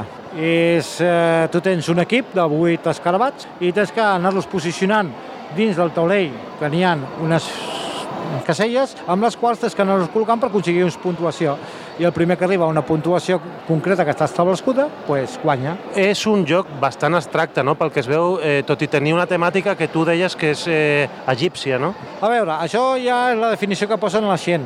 El joc en si té una temàtica perquè la gent s'enganxa una miqueta amb el món egipci, en aquest cas amb el déu escarabat Kepri. Però el joc com crec que la majoria, tots es consideren, jo els considero una miqueta abstractes, perquè n'hi ha dau, n'hi ha cartes, n'hi ha un component d'extracció. El meu, l'única diferència és que com a l'escat tens que fer servir el cap per moure les fitxes. No depens de l'assar, sinó de tu mateix. El que, el que sí que hem vist, bueno, s'ha d'arribar a 30 punts per, per aconseguir guanyar i hi ha molta interacció entre els jugadors, no? Hi, hi, ha, hi ha bastant de puteig, per dir-ho. Sí, eh? bueno, és una de les gràcies que quan juguen en, amb les models de 3 i 4 és quan es nota més que en dos.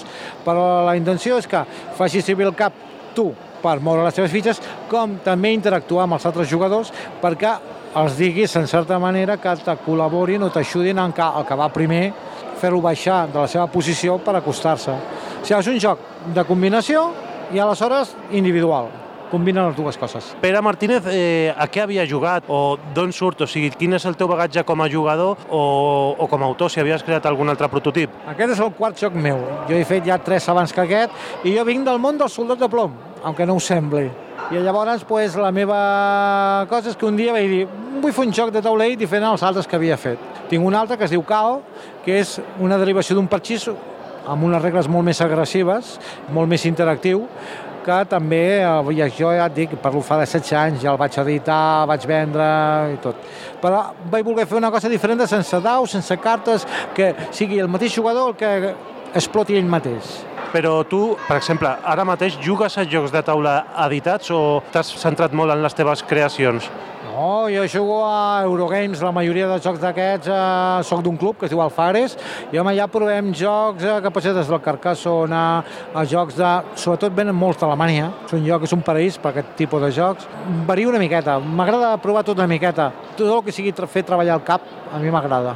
I a concursos t'has presentat alguna vegada? Els concursos que ara estan sortint de creació de... bueno, ara estan sortint no, que ja porten alguns alguns anys eh, favorint això, que sorgeixin nous autors. T'has presentat alguna vegada? Sol m'he presentat a un, a Granollers, i va ser tombat a les primeres de canvi precisament això, perquè era un extracte i amb alguns avui en dia sembla ser que les editorials o els especialistes en el món del joc busquen una cosa que tingui visualment una cosa més bonica que veure unes fitxes i un taulell sense altres elements de per mig.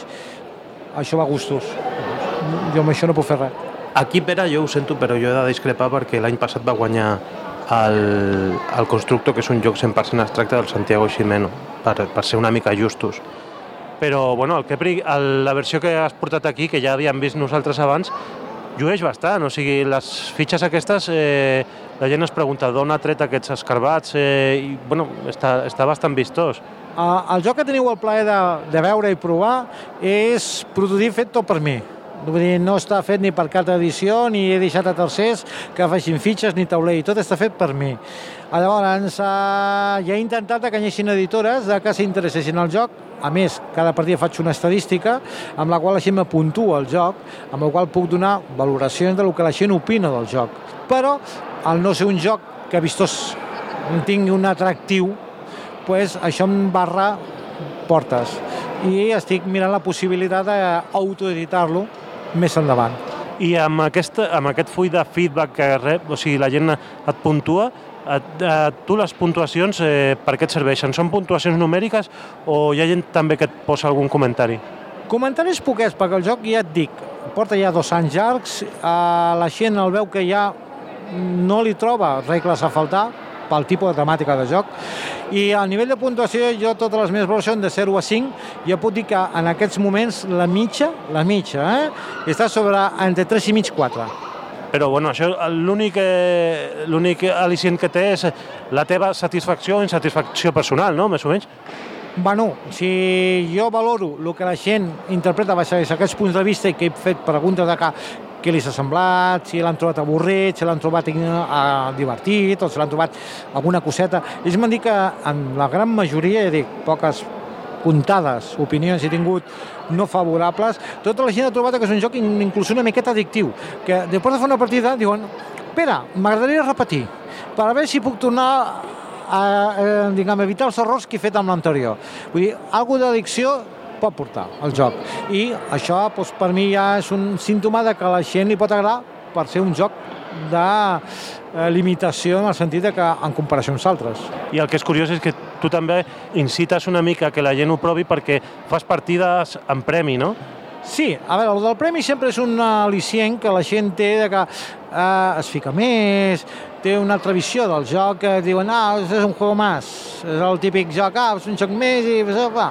A veure, si li dones el premi, la gent canvia una miqueta el xip. O sigui, no és el mateix jugar una partida en què dius, ah, vaig a divertir-me, que es pot fer amb el meu, tranquil·lament, però el premi és aquell toc, per dir una manera, que la gent li agrada. Sembla dir, però li agrada és un premi que és un escarbat una mica especial que s'emporten i, i bueno, ja per acabar, Pere, perquè la parella que està jugant crec que ja ha acabat i ha guanyat el noi, l'escarbat. Eh, sí, està molt content. molt content. Sí. Eh, M'anava a preguntar, tu què et sembla el Correjocs? El Correjocs jo el trobo maco. Jo el trobo maco i jo crec que eh, tindríeu que continuar-ho fent. No sé els contactes que teniu, però jo crec que amb una miqueta més de, de publicitat tindríeu poder inclús més gent de la que teniu ara. Jo crec que és una bona idea. Vull dir, proposar a la gent que hi ha altres menes de disbaixa, que disbaixa, de distracció, que no siguin les clàssiques de futbol i altres coses. Tu no havies vingut als altres eh, correllocs, aquest és el primer. Que... És el primer, l'únic que vaig fer amb vosaltres va ser el Top Day, que vaig estar molt content i per això he repetit, perquè em vaig, vau estar molt amables i us agraeixo tant la primera com la segona participació i invitació i espero que continueu fent activitats perquè jo crec que coses com aquestes poden ajudar a millorar la qualitat de vida. Doncs moltes gràcies, Pere, també per la teva opinió. I bé, la parella està esperant perquè, bueno, per fer-se la foto amb tu també amb l'escarabat del Kepri. Ara farem la, diguem, la cerimònia d'esclafar l'escarabat. gràcies per tot, Pere. A tu.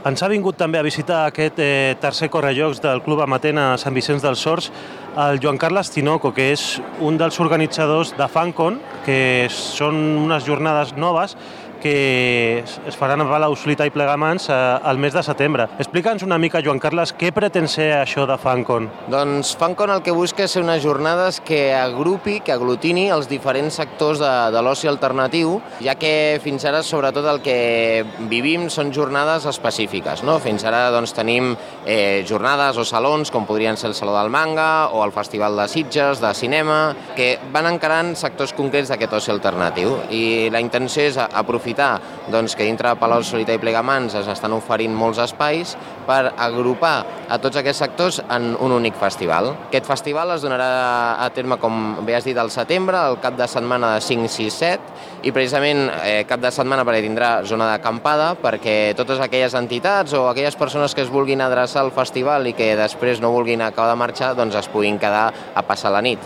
És més, eh, la intenció és fer activitats matí, tarda i nit. Per tant, podràs triar eh, allò que més t'agradi durant els tres dies que dura el festival. Quin és el teixit previ que hi havia allà a la zona de Palau Solità Plegamans, voltant, Sabadell i tal, per poder fer unes jornades eh, tan ambicioses? Quin era el caldo de cultiu? Doncs realment el caldo és eh, el, el grup de joves que ens ficàvem a, doncs, a portar partides de rol taula, ens iniciàvem els jocs de taula, als anys 90, que ara ja ens hem fet grans i, i cadascú doncs, està ubicat en un club diferent, en una entitat diferent, i això és el que ha fet que eh, fem petites activitats durant aquests darrers 6-7 anys, hem dit, anem a, a passar del petit format al gran format. Precisament un dels objectius de FANCON és agrupar associacions sense ànim de lucre de tota Catalunya i fins i tot d'Espanya de, de, i de, de França i d'Anglaterra, amb la intenció doncs, de que tothom posi les seves passions a sobre la taula.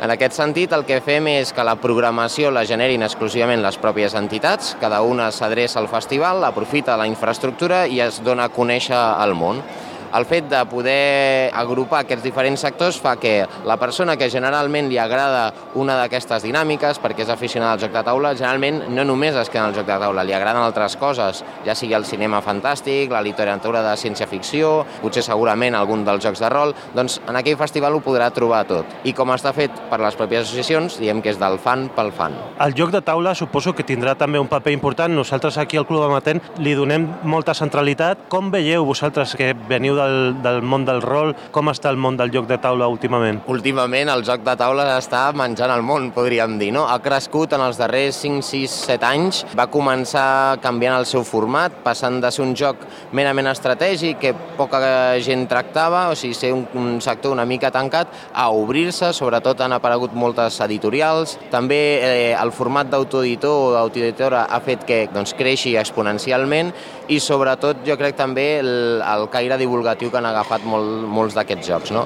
Fins ara doncs, tothom entenia que el joc de, de taula era o purament estratègic, s'imaginava un, uns escacs bàsicament, o els clàssics de les tres editorials que hi havia aquí dintre d'Espanya i avui dia hi ha jocs eh, de, de totes formes diferents, jocs ràpids, jocs lents, jocs amb molta sort, amb poca, que fan que tothom s'estigui engrescant i, i a participar. És més, ens trobem, per exemple, a la universitat, soc professor a l'Autònoma, com a dintre de la Facultat d'Educació cada cop més el joc és una eina pedagògica i, i els alumnes van bojos buscant noves maneres d'introduir nous conceptes dintre de l'aula i la quantitat de jocs que hi ha avui és, és una meravella. El suport que teniu per part de, de l'Ajuntament de Palau Solità i Plegamans ha estat eh, fàcil? Dius que també hi ha diferents associacions, eh, us han tractat bé? Sí, la veritat és que aquí ja s'ha de dir que juguem amb, amb cert avantatge, concretament jo sóc el regidor de Joventut i d'Educació d'allà del municipi i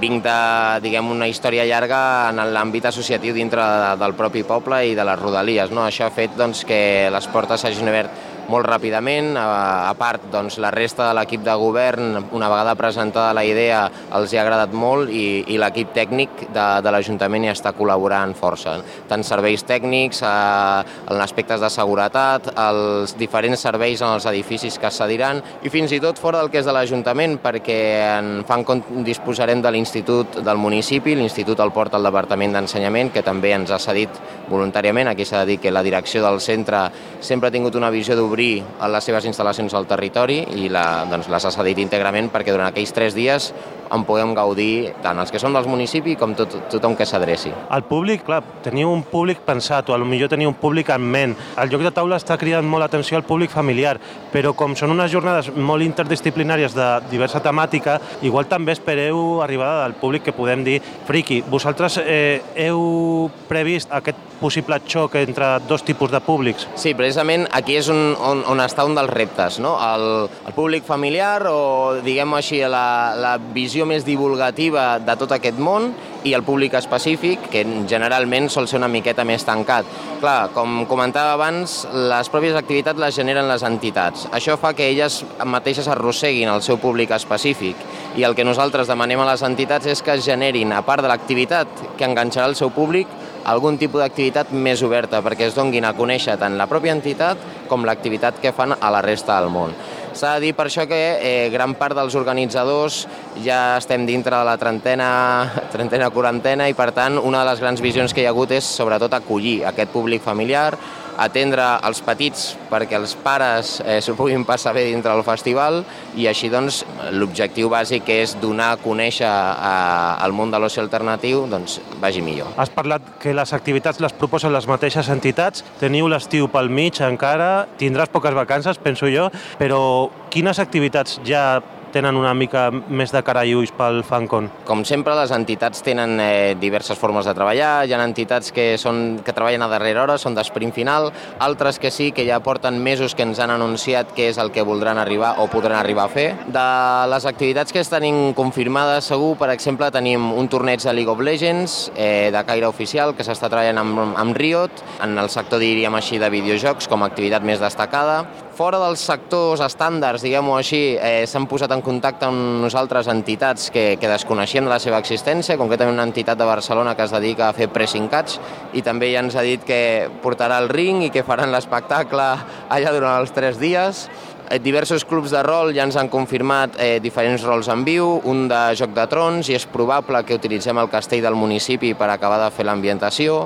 Eh, un de Battle Royale, aprofitant que tenim l'institut, ens han dit voldríem fer un de temàtica Battle Royale a l'institut de la nit i hem dit, doncs endavant. La societat Pathfinder doncs, ja ens ha confirmat que voldran organitzar un torneig gran en les diferents aules de l'institut. Des de l'associació de Star Trek d'aquí de Catalunya, eh, conjuntament amb un club de rol, utilitzarem dues aules per fer simulacions de l'Enterprise, amb, amb diguem, el quadre de mandos perquè puguin interactuar entre les dues aules o contra la màquina més activitats eh, a nivell d'exhibició de soft combat, exhibicions de tiramarc, exhibicions de l'Associació la, d'Esgrima Medieval que tenim aquí a Barcelona doncs, també ens farà la, algunes exhibicions.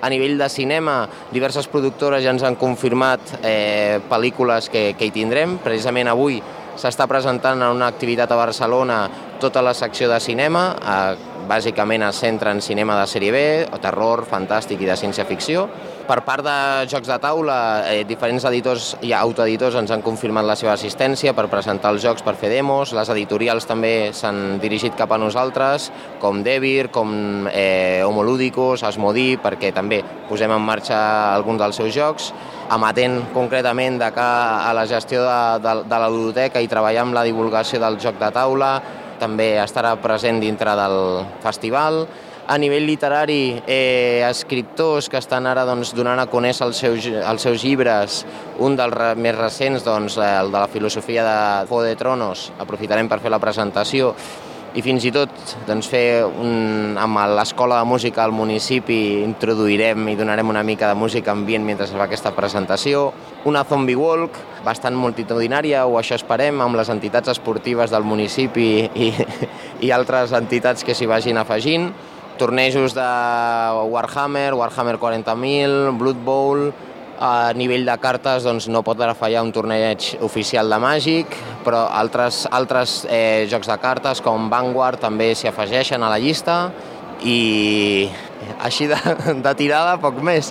A, a, a dia d'avui, sobretot durant el mes de juliol, és quan s'acaben de confirmar ja els tornejos concrets, torneigs de Carcassonne, torneigs de Catan, torneigs de, de, dels diferents jocs de taula, d'altres jocs de cartes, quins seran els tornejos oficials que es faran de joc de rol. Concretament, doncs, no solo rol, ara ja ha tancat el mecenatge de Vampiro per celebrar l'edició del 20 aniversari i és probable doncs, que tinguem present alguna activitat associada a Vampiro la Mascarada i poc més.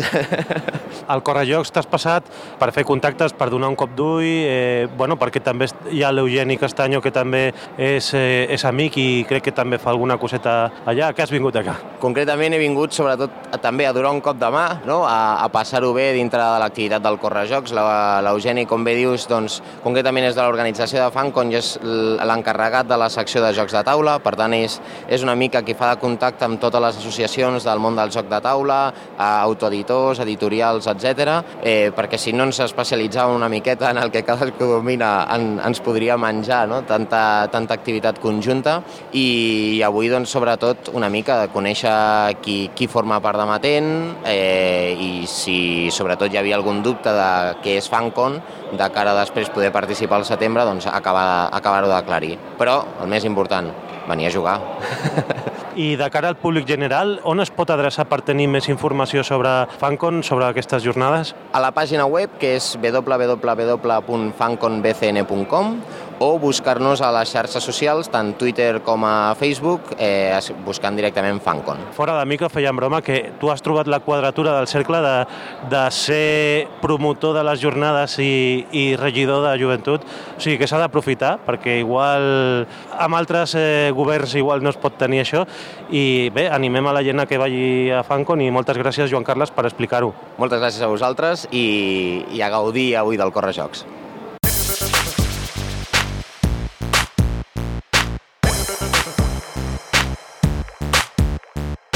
Hem parlat amb convidats, eh, autors que han vingut, també organitzadors d'activitats, però falta parlar amb gent de l'organització i qui millor que el, que el Marc Bullic, el president del Club Amatent, per fer ja, no, a hores d'ara, diumenge tarda, una mica de valoració de, del tercer Correjocs. Com ho has vist, Marc? Uh, bé, teníem una miqueta de, de, de no saber, perquè per, per qui no ho sapigueu, és el tercer, el tercer cop que organitzem el Correjocs, i com que estem una miqueta experimentant quina és potser la millor fórmula i la, i la, i la dona per saber uh, on posicionar, a quin lloc i quines dates el Correjocs, ja per deixar-lo definitivament establert al calendari, teníem una miqueta de a veure què, què ens passarà. No? Uh, a hores d'ara veiem que, tot i que hi ha hagut afluència contínua, no hem arribat a plenar el pavelló, també és un espai molt més gran que l'any passat, uh, hi ha una cinquantena més de taules, no, no ens ha acabat de convèncer, m'imagino que és un cúmul de petites coses, que fa molta calor, que estem a finals de juny, que els col·legis s'han acabat,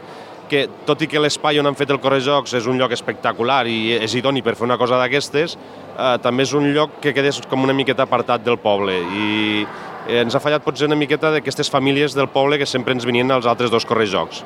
Possiblement mm, no han vingut perquè no ens han vist, Uh, la comunicació arriba on arriba mm, i tampoc és molt difícil avaluar si t'has comunicat prou bé o no.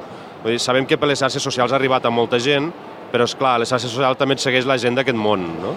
I molts han vingut. Però ens ha faltat aquest puntet de, de famílies que és el que li donaven l'aire graciós al Correjoc, no? Uh, llavors ara, a partir de les tres edicions, doncs nosaltres ara tenim tres llocs que hem provat, o sigui, tres espais on han fet el Correjocs, tres dates diferents i tres resultats. Ara la nostra obligació és reflexionar sobre tot això i veure, buscar aquest equilibri entre espai i dates, no? per, per poder arribar al màxim de gent possible. Al segon Correjocs, eh, una de les coses que ens queixàvem era que el pavelló era obert, no tenia parets, però també hem comprovat que igual també era una de les seves eh, bondats, no? perquè la gent escoltava que hi havia, que hi havia rebombori allà, que ja s'estava coent alguna cosa i s'apropava i també, a lo millor aquí a, al barri de Can Ros també ara coincideix amb una festa del barri i també pot haver estat una mica tap per públics, no? Però, bueno, hem de fer aquest pensament si, també si les dates, no? Perquè la gent diu, hòstia, igual er-, eren dies de platja, també. Sí, no? el, el, el, el gran inconvenient que teníem és que, tot i que l'espai és un lloc idoni, el pavelló eh, està fet pel que està fet, no? Llavors, hi ha tot un calendari d'activitats esportives que duren fins a finals de curs i comencen a meitats de setembre. Llavors, entre aquestes dates és impossible organitzar res perquè ja està agafat no? per competicions esportives. Llavors, eh, teníem molt poc marge de maniobra i el que vam voler fer enguany és provar-ho. Ara estem amb el dilema aquest de no sabem si el millor eh, seria potser reincidir i anar educant a la gent de Sant Vicent, sobretot, a poc a poc, sobre aquest Correjocs en aquest lloc o directament anar a lo pràctic agafar, plantar-nos al mig d'una plaça de, de, del poble i, i liar-la allí.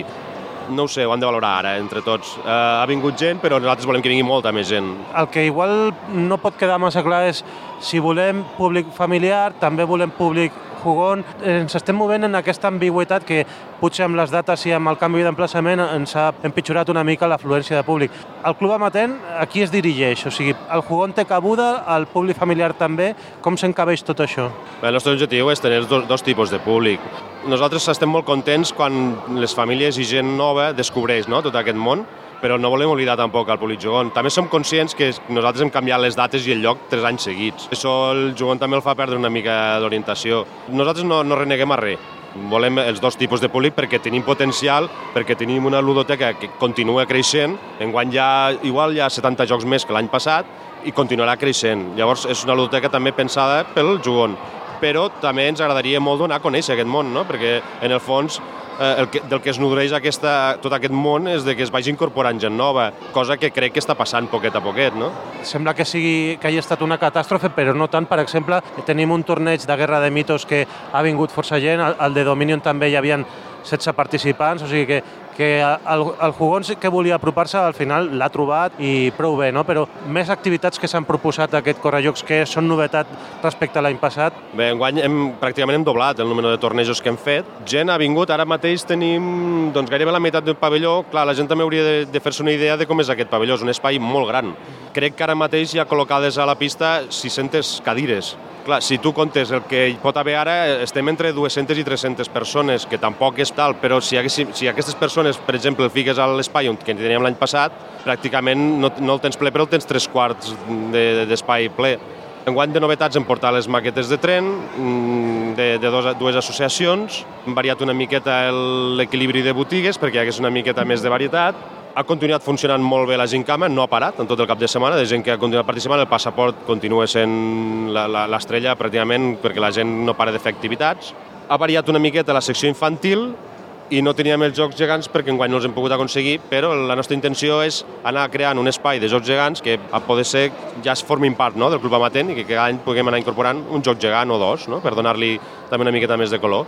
Ha vingut la gent de Tot Jugar, que són uns nois de Gràcia que tenen una empresa de, que fan una investigació per tot el barri de Gràcia i l'estan fent per aquí al pavelló. M'han dit que pels assistents, percentatge assistents i gent que ha participat era molt alt, cosa que ens alegra, tornat a fer el taller de Soft Combat i un taller d'Ingress, que és un aplicatiu d'un mòbil d'un amatent que li agrada el tema, doncs ha estat explicant-li a la gent com funcionava i tot això. El Ferran, no? El Ferran, sí. Doncs, eh, bueno, la valoració més o menys està feta. Gent que ha participat del Club Amatent, més o menys tenim un número? Amatent, sí, em són molts. Jo crec que hem estat fins i tot més que l'any passat. Haurem estat al voltant del entre ahir i avui uns 40, uns 40 matents. déu nhi això no ho pot dir qualsevol club perquè déu nhi I també de, de botigues, hi ha el canvi que aquest any eh, tenim tres botigues, són botigues gairebé totes físiques, Andròmids no la conec, jo sé que tu la coneixes bé. Com ha estat aquesta relació entre botigues i club amatent? Bé, nosaltres el que hem volgut valorar, que la botiga que vingués al Correjocs és la botiga propera al, al club, no? i aquestes botigues que han vingut ens han ajudat en moltes ocasions. Eh, L'equilibri que et comentava, per exemple, la botiga de jugar per jugar ha vingut amb, amb uns jocs més familiars, perquè sabem que ells també són especialistes en aquest tipus de públic. Jurat Jocs de Castelldefels ja ha vingut amb un material ja més de jugon, i Andròmids és una, és una botiga que hi ha a Torrelles que té sobretot trastes antics. Eh, L'han fet venir amb, amb Playmobil perquè és la seva gran passió, tot i que la seva botiga té de, de tot. O sigui, tot el que són joguines antigues dels anys 80, 90, Madelman, jocs antics, alguna coseta de NAC, eh, bueno, col·leccions vàries, moltes cosetes d'aquestes. El que passa que ell volia venir, doncs, bàsicament amb la de Playmobil, que ens ha muntat un diorama espectacular al davant de la botiga i ja està, vull dir, és bàsicament... Després de la valoració del Club Amatent d'aquest tercer Correjocs, venen les vacances, però després de vacances el Club Amatent continua fent coses, les sessions habituals, alguna moguda més? Sí, de fet, el dissabte que ve hi ha sessió Amatent, no... nosaltres no parem, continuarem tot el mes de juliol, m'imagino que pararem a l'agost, tot i que la gent continua quedant per jugar i i ja després de l'agost, ja la, quan comencem la pròxima temporada de setembre, ja és quan ens assentarem, valorarem tot el, totes les possibilitats que tenim. Tenim la predisposició total de l'Ajuntament per demanar l'espai que vulguem i la data que vulguem, sempre i quan aquell espai doncs, no estigui ocupat per, per activitats doncs, com el podria ser les esportives no, en aquest pavelló.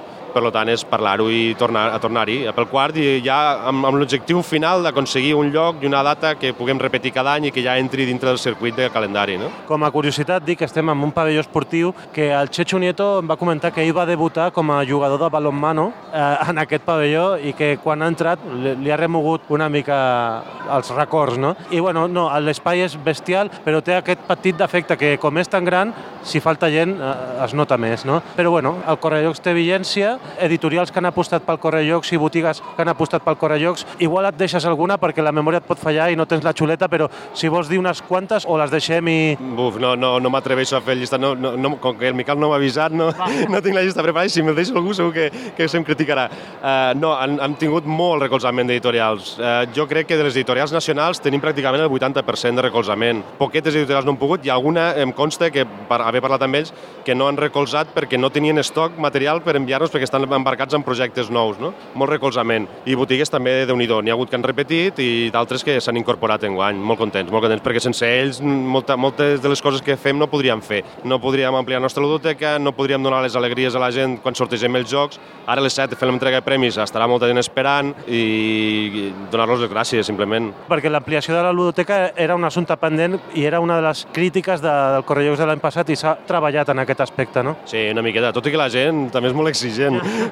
L'any passat teníem al voltant de 150 jocs, però clar, també la gent ha d'entendre que nosaltres no, no, no m'ha assignat mai cap tipus de pressupost per ampliar la ludoteca. Tot han estat donacions de botigues i editorials, bàsicament. Uh, I nosaltres anem fent sempre aquest esforç, no?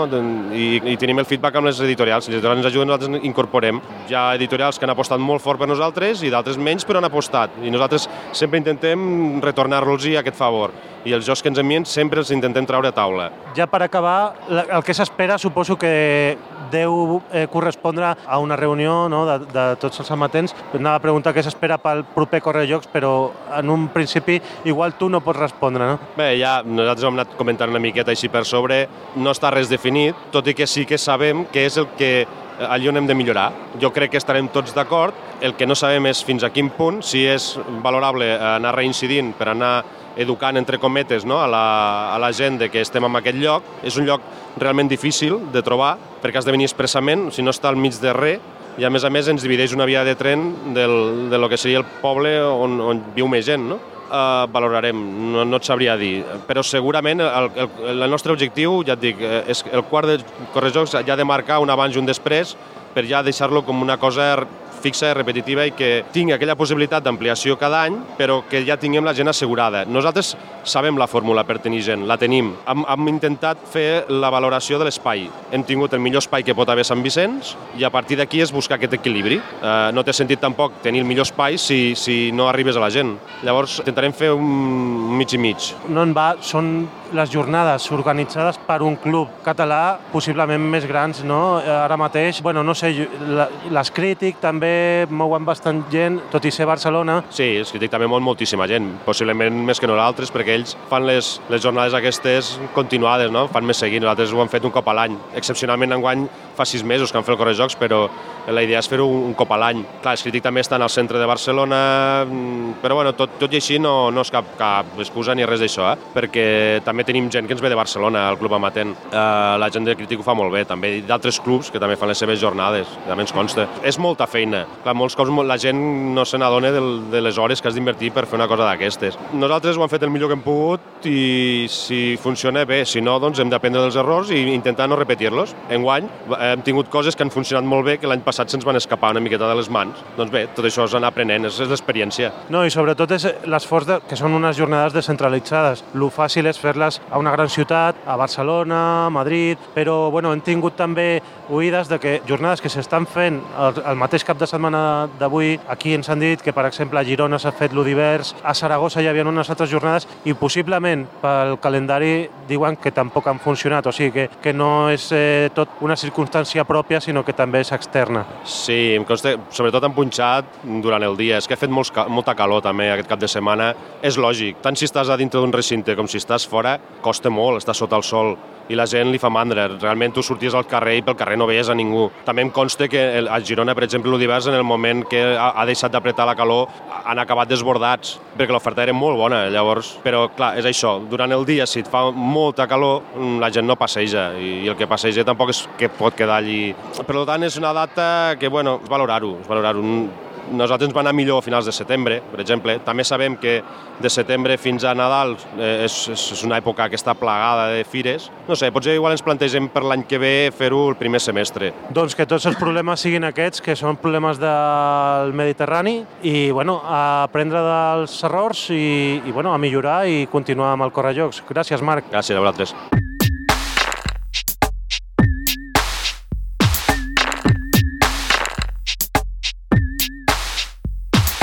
Una activitat que dintre de la baixa afluència que hem tingut a, que al final no ha estat tanta, perquè diumenge a la tarda, déu nhi amb el sorteig i els campionats i tal, però uns dels que sí que han triomfat perquè han tingut eh, força activitat eh, són els, els nois de tot jugar, són el Martí i el Josep que han vingut de Barcelona i Sant... Sant Vicenç de Torelló. Sant Vicenç de Torelló a dinamitzar una activitat detectivesca que ens explicaran una mica millor. Què, què és el que, el que heu proposat a, a part del públic que ha vingut avui al tercer correjocs del Club Amatent? Eh, nosaltres no fem jocs de taula, sinó que fem jocs en viu, per moure's en equip i amunt i avall. Principalment, el producte que hem començat preparant són jocs de detectius, en què els jugadors es converteixen en els encarregats de resoldre un misteri. Hi ha una situació inicial, en el cas de la demo que estem fent aquí és, hi ha hagut un mort en un restaurant, i els jugadors han d'intentar esbrinar què ha passat, si ha sigut un assassinat i en aquest cas qui és el responsable i com s'ho ha fet. Hi ha, com veus aquí, una taula parada, que és la taula on sopava la víctima just abans de morir. Tenim un magatzem amb proves que la policia ha trobat per la zona que poden estar relacionades o no amb aquest cas. I a part, doncs, per les diverses parets del poliesportiu hi ha altres pistes que poden ser l'informe del forense, el testimoni del cuiner, el testimoni de la pobra vídua, que et donen informacions que quan les vas llegint, les vas sumant, t'han de permetre elaborar una teoria de què és el que ha passat. Ho esteu escoltant, seria espectacular si ho poguéssiu veure perquè tenim una taula precintada amb el precinte policial, tenim les proves, eh, bueno, un, un ganivet amb sang dintre d'una bossa zip d'aquestes. És una prova, és que és, és molt real. Com us ocorreu tant? Mirem de que el que fem sigui el màxim seriós i realista possible. Fins i tot els informes forenses ens ha vingut gent del gremi a dir-nos, ostres, molt bé, els informes policials també, ostres, està ben aconseguit, no, no hi ha errors, eh, està bastant ben trebat. Ens esforcem en que tingui la màxima precisió perquè volem fer un joc seriós, no, no un misteri de passo que t'envoli per passar l'estona, sinó un, un joc que sigui un repte pels jugadors, que s'hagin de trencar una mica el cap i que, malgrat una gran majoria acaba aconseguint descobrir qui està implicat i qui és el culpable, costi i sigui un satisfactori de treure. És un joc per jugar en equips, té una durada pautada, no sé si és una hora de joc. Quins han estat els resultats? Eh, la gent ho ha trobat, ho ha acabat trobant, eh, dintre de temps, fora de temps? Nosaltres, el temps no és un límit, perquè no volem tampoc pressionar excessivament els jugadors, sinó que és, realment és orientatiu. Acostumen a, a trigar una hora i a vegades equips que s'allarguen una miqueta més i altres una miqueta menys. No hem mirat el rellotge si trigaven més o menys, perquè a més a vegades hi ha gent que de Google parava la investigació per anar a un torneig i després seguia. Per tant, no ens fixem en el temps, ens fixem en que després els jugadors quan acaben vinguin i t'ho expliquin el que ha passat, que la cosa encaixi i que tinguin bastants detalls. Eh, hem tingut un parell d'equips bastant excel·lents, que ho han tret tot molt bé, i després, en general, se n'han sortit també prou bé. La resta d'equips, eh, lo bàsic, en general, també, també ho han tret. Perquè vosaltres esteu constituïts com a empresa i això ho voleu fer professionalment per guanyar-vos la vida sempre que es pugui. I bueno, quin seria el públic objectiu al que podríeu vendre aquest producte que és un joc molt realista i de donar-li una mica al coco? De moment no hem tancat cap porta, i estem atacant una mica tot i per sort hem tingut clients de tot arreu, cosa que és bona, estem contents. Hem tingut clients particulars que venen a jugar perquè sí, o venen a celebrar un aniversari, un comiat de solter, o se'n van a una casa rural i ens demanen que els hi portem el joc allà. Hem treballat també per empreses, on aquesta dinàmica de, de grup funciona molt bé, també. Hi ha per, per crear equip i per un dia especial. A vegades una empresa que celebra alguna cosa també ens ha contractat. Escoles, amb nens que també s'inicien en això de ser detectius i són casos molt més fàcils, una mica més adaptats a les seves possibilitats, però que els treuen amb molt d'èxit també.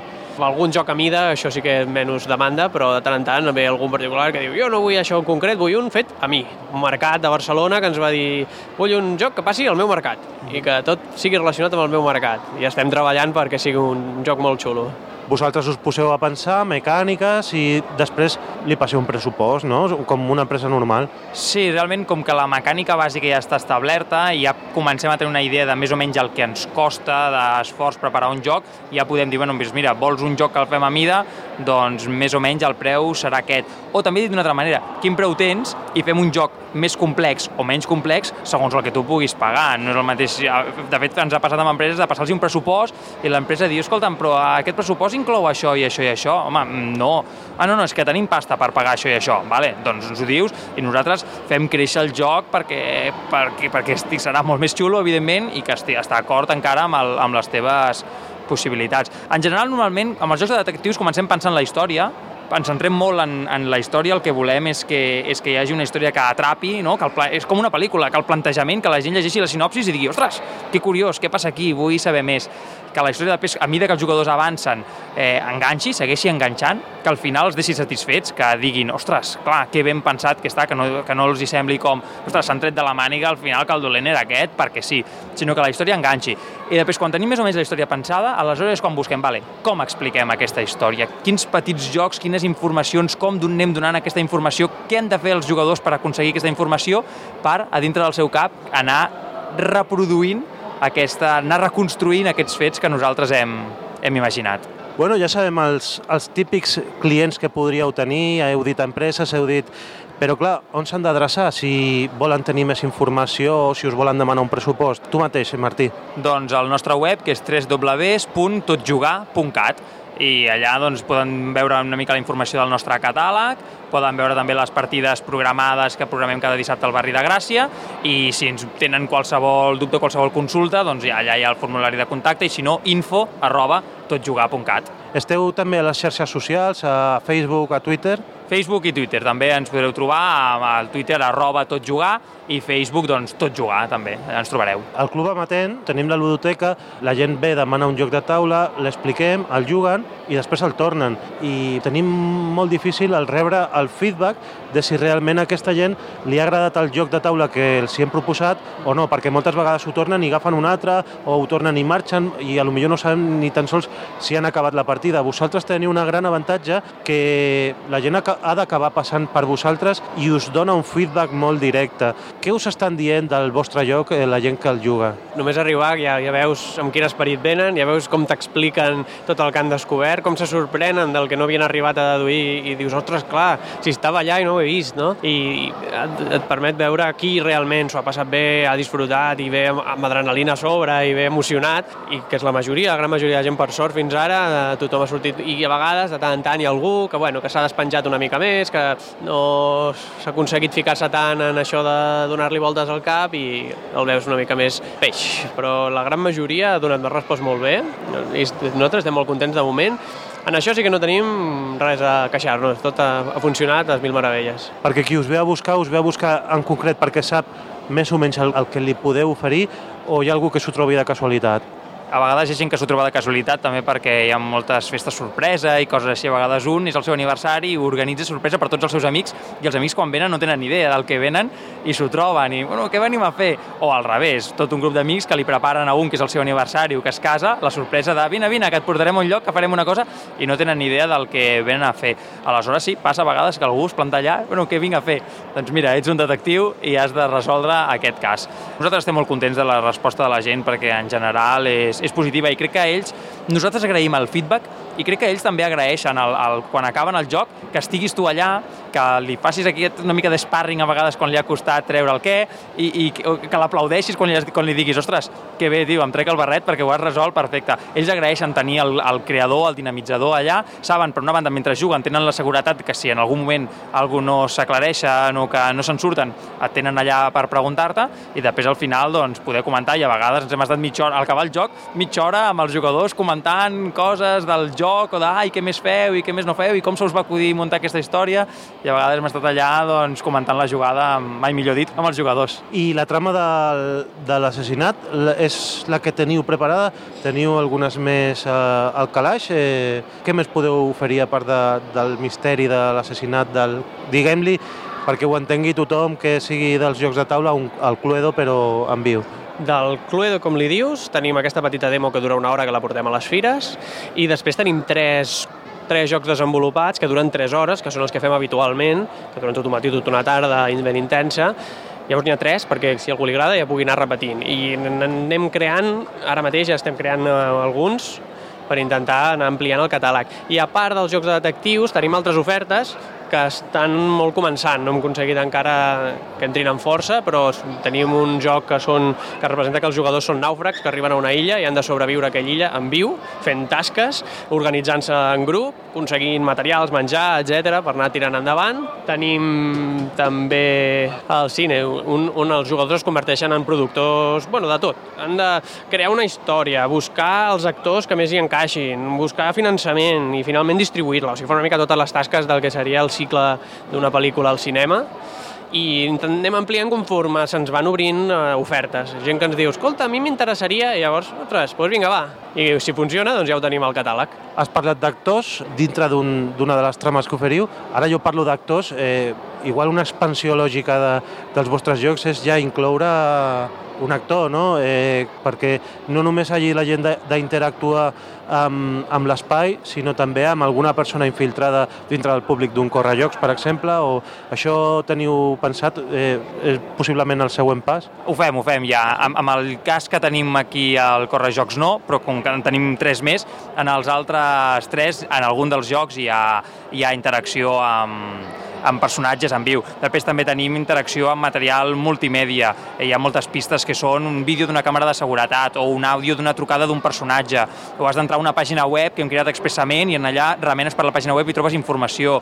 O envies un correu electrònic a una adreça i d'aquella adreça et responen amb una pista. És a dir, que també hi ha una interacció multimèdia. I sí, la interacció amb actors eh, ho fem. Vull dir, nosaltres som de fer teatre de fa molts anys i no tenim manies tampoc en posar-nos en la pell d'algun sospitós o d'algun algun personatge implicat en el cas i, i als jugadors els agrada també que en el moment en què ells prenen, que fan la paella pel mànec i diuen ara jo decideixo les preguntes, ara jo interrogo i a més hem vist situacions molt divertides, ens han fet trucs de, del mentalista, no? trucs del Patrick Jane que comença l'interrogatori i clar, que et fan una cosa que dius, què estan fent? I després, no, no, és que això ho fa Patrick Jane en un capítol per interrogar un sospitós.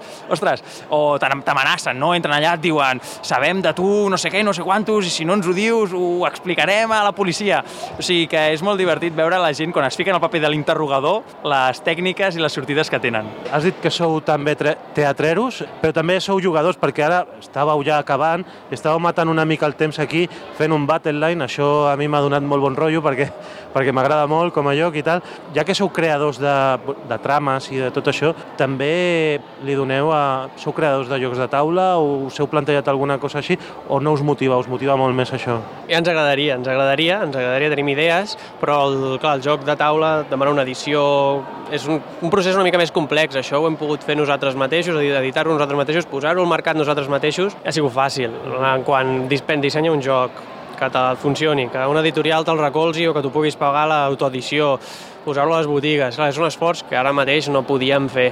I, però, però tant de bo, tant de bo, ens, ens hi posem algun dia també a fer-ne, perquè idees en tenim home, ja teniu l'empresa, no? perquè ja, ja us podeu llançar, i si sou creatius, doncs, bueno, mira, ja, ja ho teniu fet. Jo us agraeixo molt que hàgiu vingut aquí al Correllocs, que us heu donat a conèixer, i bueno, us deixo que, no sé si estava a mitges la partida del Battleline, hi ha molta tensió en aquest joc també, i, i bueno, gràcies per venir, ens veiem a properes eh, fites lúdiques i segur que esteu allà, pues, liant-la, no?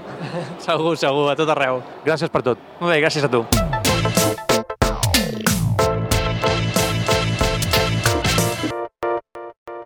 Estic amb un altre membre del Club Amatent, que és eh, l'Albert Abril, que és un INEF i que és el que ha muntat un circuit lúdic que ens explicarà el que és exactament i que ha tingut força èxit perquè ha tingut bastant participació i bueno, la gent ho ha provat, no? Ha engrescat bastant. Bueno, abans de tot, dir que no sóc INEF, sóc CAFE, que INEF és Institut Nacional d'Educació Física i els que estudiem allà eh, fem una carrera que es diu, un graduat que es diu CAFE, que és Ciències d'Activitats Física i l'Esport però bueno, ens coneixem com a INEF perquè és la manera típica de, de relacionar-nos. Després, la idea de fer aquest circuit lúdic, que és, es coneix comúment com a gincana, és la d'intentar juntar esport amb jocs de taula i el que vam fer és tant juntar jocs de taula amb, amb postes esportives que tenien que veure amb la precisió, amb velocitat i amb l'atzar.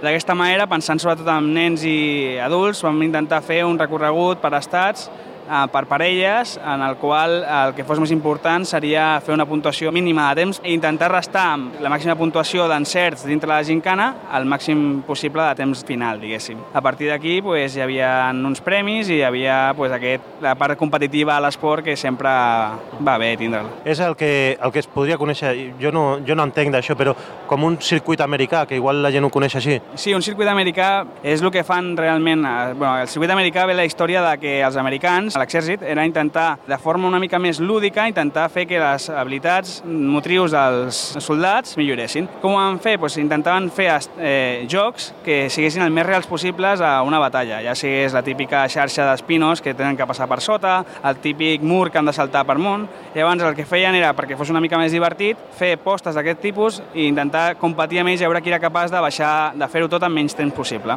Això seria una cursa americana. Diguéssim que la diferència és que la cursa americana és directament molt esportiva i una, un circuit lúdic eh, també entraria la part de diversió, de fer jocs i de fer una mica de, de que fos més infantil, sobretot. Aquests jocs, que perquè tu també ets jugador de jocs de taula, que heu ficat dintre de, de les petites proves, miniproves que hi havia dins del circuit, quins han estat? Han sigut Dubongo Mini, que és un joc que es pot utilitzar molt bé aquí perquè eh, necessites una velocitat i una habilitat mental per fer un puzzle el més ràpid possible, i un altre era un joc d'atzar purament, que era el de dos zombis, que ah, bueno, el que havíem de fer era llançar tots els daus, intentar aconseguir que tots els daus tinguessin la marca d'un cervell, que és el que mengen els zombis, no? Llavors era per una mica un joc d'habilitat mental, un joc d'atzar, combinat amb els altres jocs que hi havien que eren més esportius o més lúdics de precisió, com hem dit abans. Els primers temps eh, han estat uns i després s'han anat contínuament rebaixant perquè molta gent fins i tot tornava a participar perquè el que sí que genera això és com una mica de- d'addicció. Tu mateix has participat algunes vegades per comprovar si eres capaç de- d'anar rebaixant temps, no? Aquestes coses el que tenen és com, diguéssim, fan l'efecte competitiu que fa directament l'esport o qualsevol altra prova en la qual tu et, et comptes a tu mateix amb, amb el temps, no? I més si competeixes contra gent externa. I més si hi ha un premi darrere, que vol ser el que, el que té el menys temps. Què passa? El factor aprenentatge és molt important en aquests circuits perquè una vegada has dinamitzat com van les tasques i com es fan les diferents proves, penses sempre que pots millorar-les, pots ser més ràpid, podies haver eh, encertat aquell llançament que vas fallar, podies haver anat més ràpid eh, resolent el puzzle, el Lubongo Mini, per exemple. Llavors sempre tens aquest gusanillo de ho podria haver fet més ràpid, vaig a tornar a intentar. O a amb una altra parella m'hagués anat millor, perquè en aquest que hem muntat, per exemple, depenies bastant de la teva parella. I aquest és el fet de començar amb una mitjana de puntuació normal, que seria, en aquest cas, de dos minuts i pico, que llavors, si eren bons i feien molta puntuació, podien anar rebaixant, i que cada vegada, quan estaven més entrenats a les proves i veien com tot l'esport i com tot tipus de proves, tot té el seu truquillo. I fins que no el descobreixes no, no li pots treure el màxim benefici a, a la prova. Van provant, van veient que van baixant el temps, van baixant el temps, i entre ells es formen una subcompetició, diguéssim, de veure qui és el nen que és més ràpid o, o que és millor, o que amb el seu pare aconsegueix menys puntuació. I això és el que fa que hi hagi aquest, aquesta competitivitat que, bueno, que es veu en tot esport i que bueno, també es veu als jocs de taula. Sempre ens agrada jugar un joc de taula, aprendre aquell joc de taula i una vegada l'hem jugat una vegada i ja sabem com es juga, ens agrada tornar-lo a jugar. I llavors veiem que hi ha una altra dinàmica diferent que hem après i que podem combinar-la i a la següent segurament farem més punts, és el mateix. Volem intentar tornar a jugar per fer màxima puntuació i guanyar els altres, clar. Guanyar els altres, però per guanyar els altres en aquest circuit que heu creat s'havia de jugar en parelles i eh, depenies molt de, de, també de la teva parella. I una cosa que m'ha agradat molt també és que bueno, parlaven els que ho veiem des de fora que igual les proves lúdiques com l'Ubongo Mini i els daus, pels més petits, igual penalitzaven una mica el temps, però després ells tenien unes, un cert avantatge en alguna prova esportiva de llançament que podien llançar d'una manera diferent. No? Això és, més o menys ho heu pensat per compensar el hàndicap de l'edat? Sí, clar, en aquestes coses sempre s'ha de tindre molt, molt en compte els possibles participants que poden haver-hi, tant d'edat com de persones amb discapacitats. Per tant, el que està clar és que hi ha proves que poden ser més dificultoses per als nens petits i per això hem decidit que hi hagi més recorregut entre prova i prova perquè els nens en aquell moment acurtin temps perquè són els que més normalment més es mouen, més corren. Els grans tenen al millor el llançament, un hàndicap de llançament de la Índia, que per exemple han de palmejar-la com es juga realment a l'Índia, i els nens els permet llançar-lo de la forma que ells els doni la gana. Això també ajuda a que una persona gran eh, o adulta que tingui unes qualitats físiques molt bones eh, a lo millor necessiti d'anar amb una persona més petita, un nen, diguéssim, que pot tindre els seus beneficis dintre la, del, del joc. I precisament la combinació guanyadora ha sigut una persona adulta i un nen petit que han anat combinant-se les proves de tal forma que cadascun li treia el profit de, de, de les seves qualitats a cadascuna d'aquelles proves. Tu ets un professional ja en aquest àmbit molt sensibilitzat amb el tema dels hàndicaps perquè sabem que has fet pràctiques o has estat treballant amb persones amb diversitat funcional i bueno, això també suposo que tots els professionals del teu àmbit ho han de tenir també present, no? Bueno, jo, per exemple, he estat treballant a la 11, també he estat treballant en una associació que es diu Handbike, amb gent per, per a Bèlgica, i bueno, haver treballat en aquests jocs sí que tens un, uns coneixements que potser altres companys mm, meus que s'han dedicat a altres coses però no, no, han, no han aconseguit. Llavors, quan sempre que crees alguna cosa d'aquestes, ja sigui un joc, una gincama o una competició del que sigui, sí que és veritat que, com has viscut, et dones compte de forma involuntària de problemes que poden haver-hi dintre de, amb persones amb discapacitats, ja siguin mentals, visuals, físiques, de tot tipus. Llavors intentes evitar-te el, el mal tràngol de que t'arribi una persona amb aquella discapacitat i vulgui jugar o fer alguna cosa i tu li tinguis que dir que no perquè has sigut tan incompetent que no has pogut, bueno, incompetent no, que no t'has donat compte que aquest problema podia arribar a existir. Per tant, sempre hem d'intentar, encara que no es pugui, perquè a vegades molt difícil, intentar-ho prevenir d'alguna forma. Has de pensar en totes les possibilitats i el món de l'esport, el que més jo crec, perquè l'esport és una cosa que és com els jocs de taula en molts sentits, en el fet de que hi ha competitivitat, però també hi ha amistat, hi ha germanor, intentes incloure a la gent i els nens són els primers que s'hi volen incloure a tot tipus de jocs i els jocs no deixen de ser també una part lúdica de l'esport. Per tant, s'han de tenir en compte sempre aquestes coses. Doncs eh, tant de bo i gràcies per compartir els teus coneixements i la teva formació per fer una, una prova que jo penso que sí que ha estat bastant accessible i la prova ha estat això, que al final eh, la combinació guanyadora ha estat un nen i un adult i, i sí, aprofitant una mica les avantatges de cadascú, no? de la seva morfologia, de, de les seves històries. No? I, I bueno, a mi m'ha agradat molt, jo l'he provat, l'he fet amb tu també, el temps no el direm perquè, perquè no era un temps guanyador. No guanyador, però ha sigut un temps molt bo el que hem fet. Tenint en compte que jo no faig educació física des de la dècada dels 90.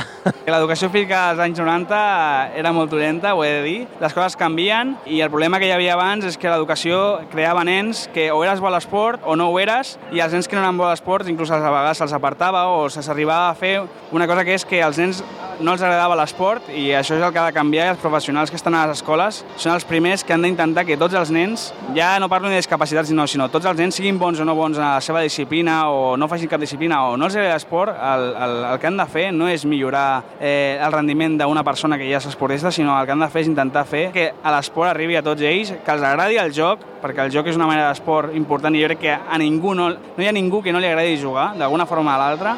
El que hem d'intentar és, els professionals de l'esport, és que l'esport vagi a poc a poc entrant i que ningú em digui no faig esport des de des de que no anava, dels anys 90, no, no. Eh, faig esport, faig l'esport que sigui, em dóna igual, perquè qualsevol pràctica esportiva és bona, però trobar la seva i això és feina dels professionals. Tu dic eh, que encara tinc malsons amb, amb els pitidos aquells de la curs navet. La curs navet és el pitjor invent que s'ha fet i, bueno, qualsevol professor d'INEF, si m'estigui escoltant, o professor d'educació física, qualsevol persona que estigui en un col·legi o estigui amb nens i faci curs navet, de veritat que, que s'oblidi, perquè el curs navet és una cosa que només tindrà que fer fer-se amb esportistes d'elit. És una cosa que pot provocar molts problemes fisiològics amb el nen, mentals també, perquè és una cosa que és, és, és esgotadora i no, no és bona. És que, a més, no els donarà cap informació necessària per avaluar i, i bueno, eh, és que podríem aquí entrar en un debat supergran, però bueno, oblidem-nos de la curs navet, oblidem-nos de eh, el donar 12 voltes, tantes voltes en 12 minuts, tot això ho hem d'intentar oblidar perquè és la, la gimnàstica, l'educació física antiga i ara hem d'arribar a una altra cosa que no té a veure amb el que es feia abans. Doncs eh, resumim-ho això, com que els jocs de taula han evolucionat, ja no tenim parxissos ni oques i el món de l'esport i l'activitat física també evoluciona i per sort també pues, deixem de tenir curs navets a les escoles que, i coses així, no? Sí, sí, sí, està clar. El que hem de fer és intentar trobar l'esport per tothom, l'esport divertit, eh, igual que els jocs divertits per tothom, que tu pots trobar un, hi ha jocs de mil temàtiques diferents, és impossible que algun joc no t'agradi, inclús si tu dius, no, és que no quiero jugar a ningún juego de mesa porque no me gustan los juegos de mesa. Aquella persona segur que troba un joc de taula que li agrada, igual que pot trobar algun esport, alguna pràctica esportiva que vagi bé per la seva salut i que a sobre li agradi i li encanti. Jo els jocs ja els he trobat, encara estic buscant el meu esport. Gràcies, eh, Albert, i bueno, seguim estant aquí, que ja mateix toca recollir tot aquest tinglado. Moltes gràcies a tu i bueno, moltes gràcies per tota la feina que fas amb, amb els posts i tot, que és una passada. Gràcies.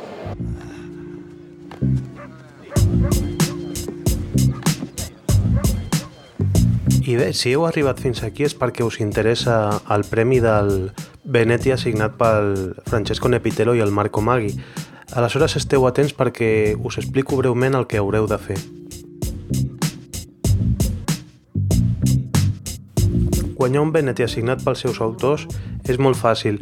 Només ens heu d'adreçar durant aquest estiu correus o audiocorreus explicant els jocs que heu triat eh, per jugar durant les vacances eh, ho podeu fer enviant-los a info arroba reservoisjocs.cat mm, Recordo que si algú participa en un correu tindrà una participació per guanyar el premi. En canvi, si trieu l'opció de l'àudio correu, en tindreu tres i, bueno, sempre és més fàcil guanyar. Estarem pendents de la safata d'entrada i dels WeTransfer i tot això que ens podeu fer arribar i bé, només desitjar-vos bones vacances i que jugueu molt.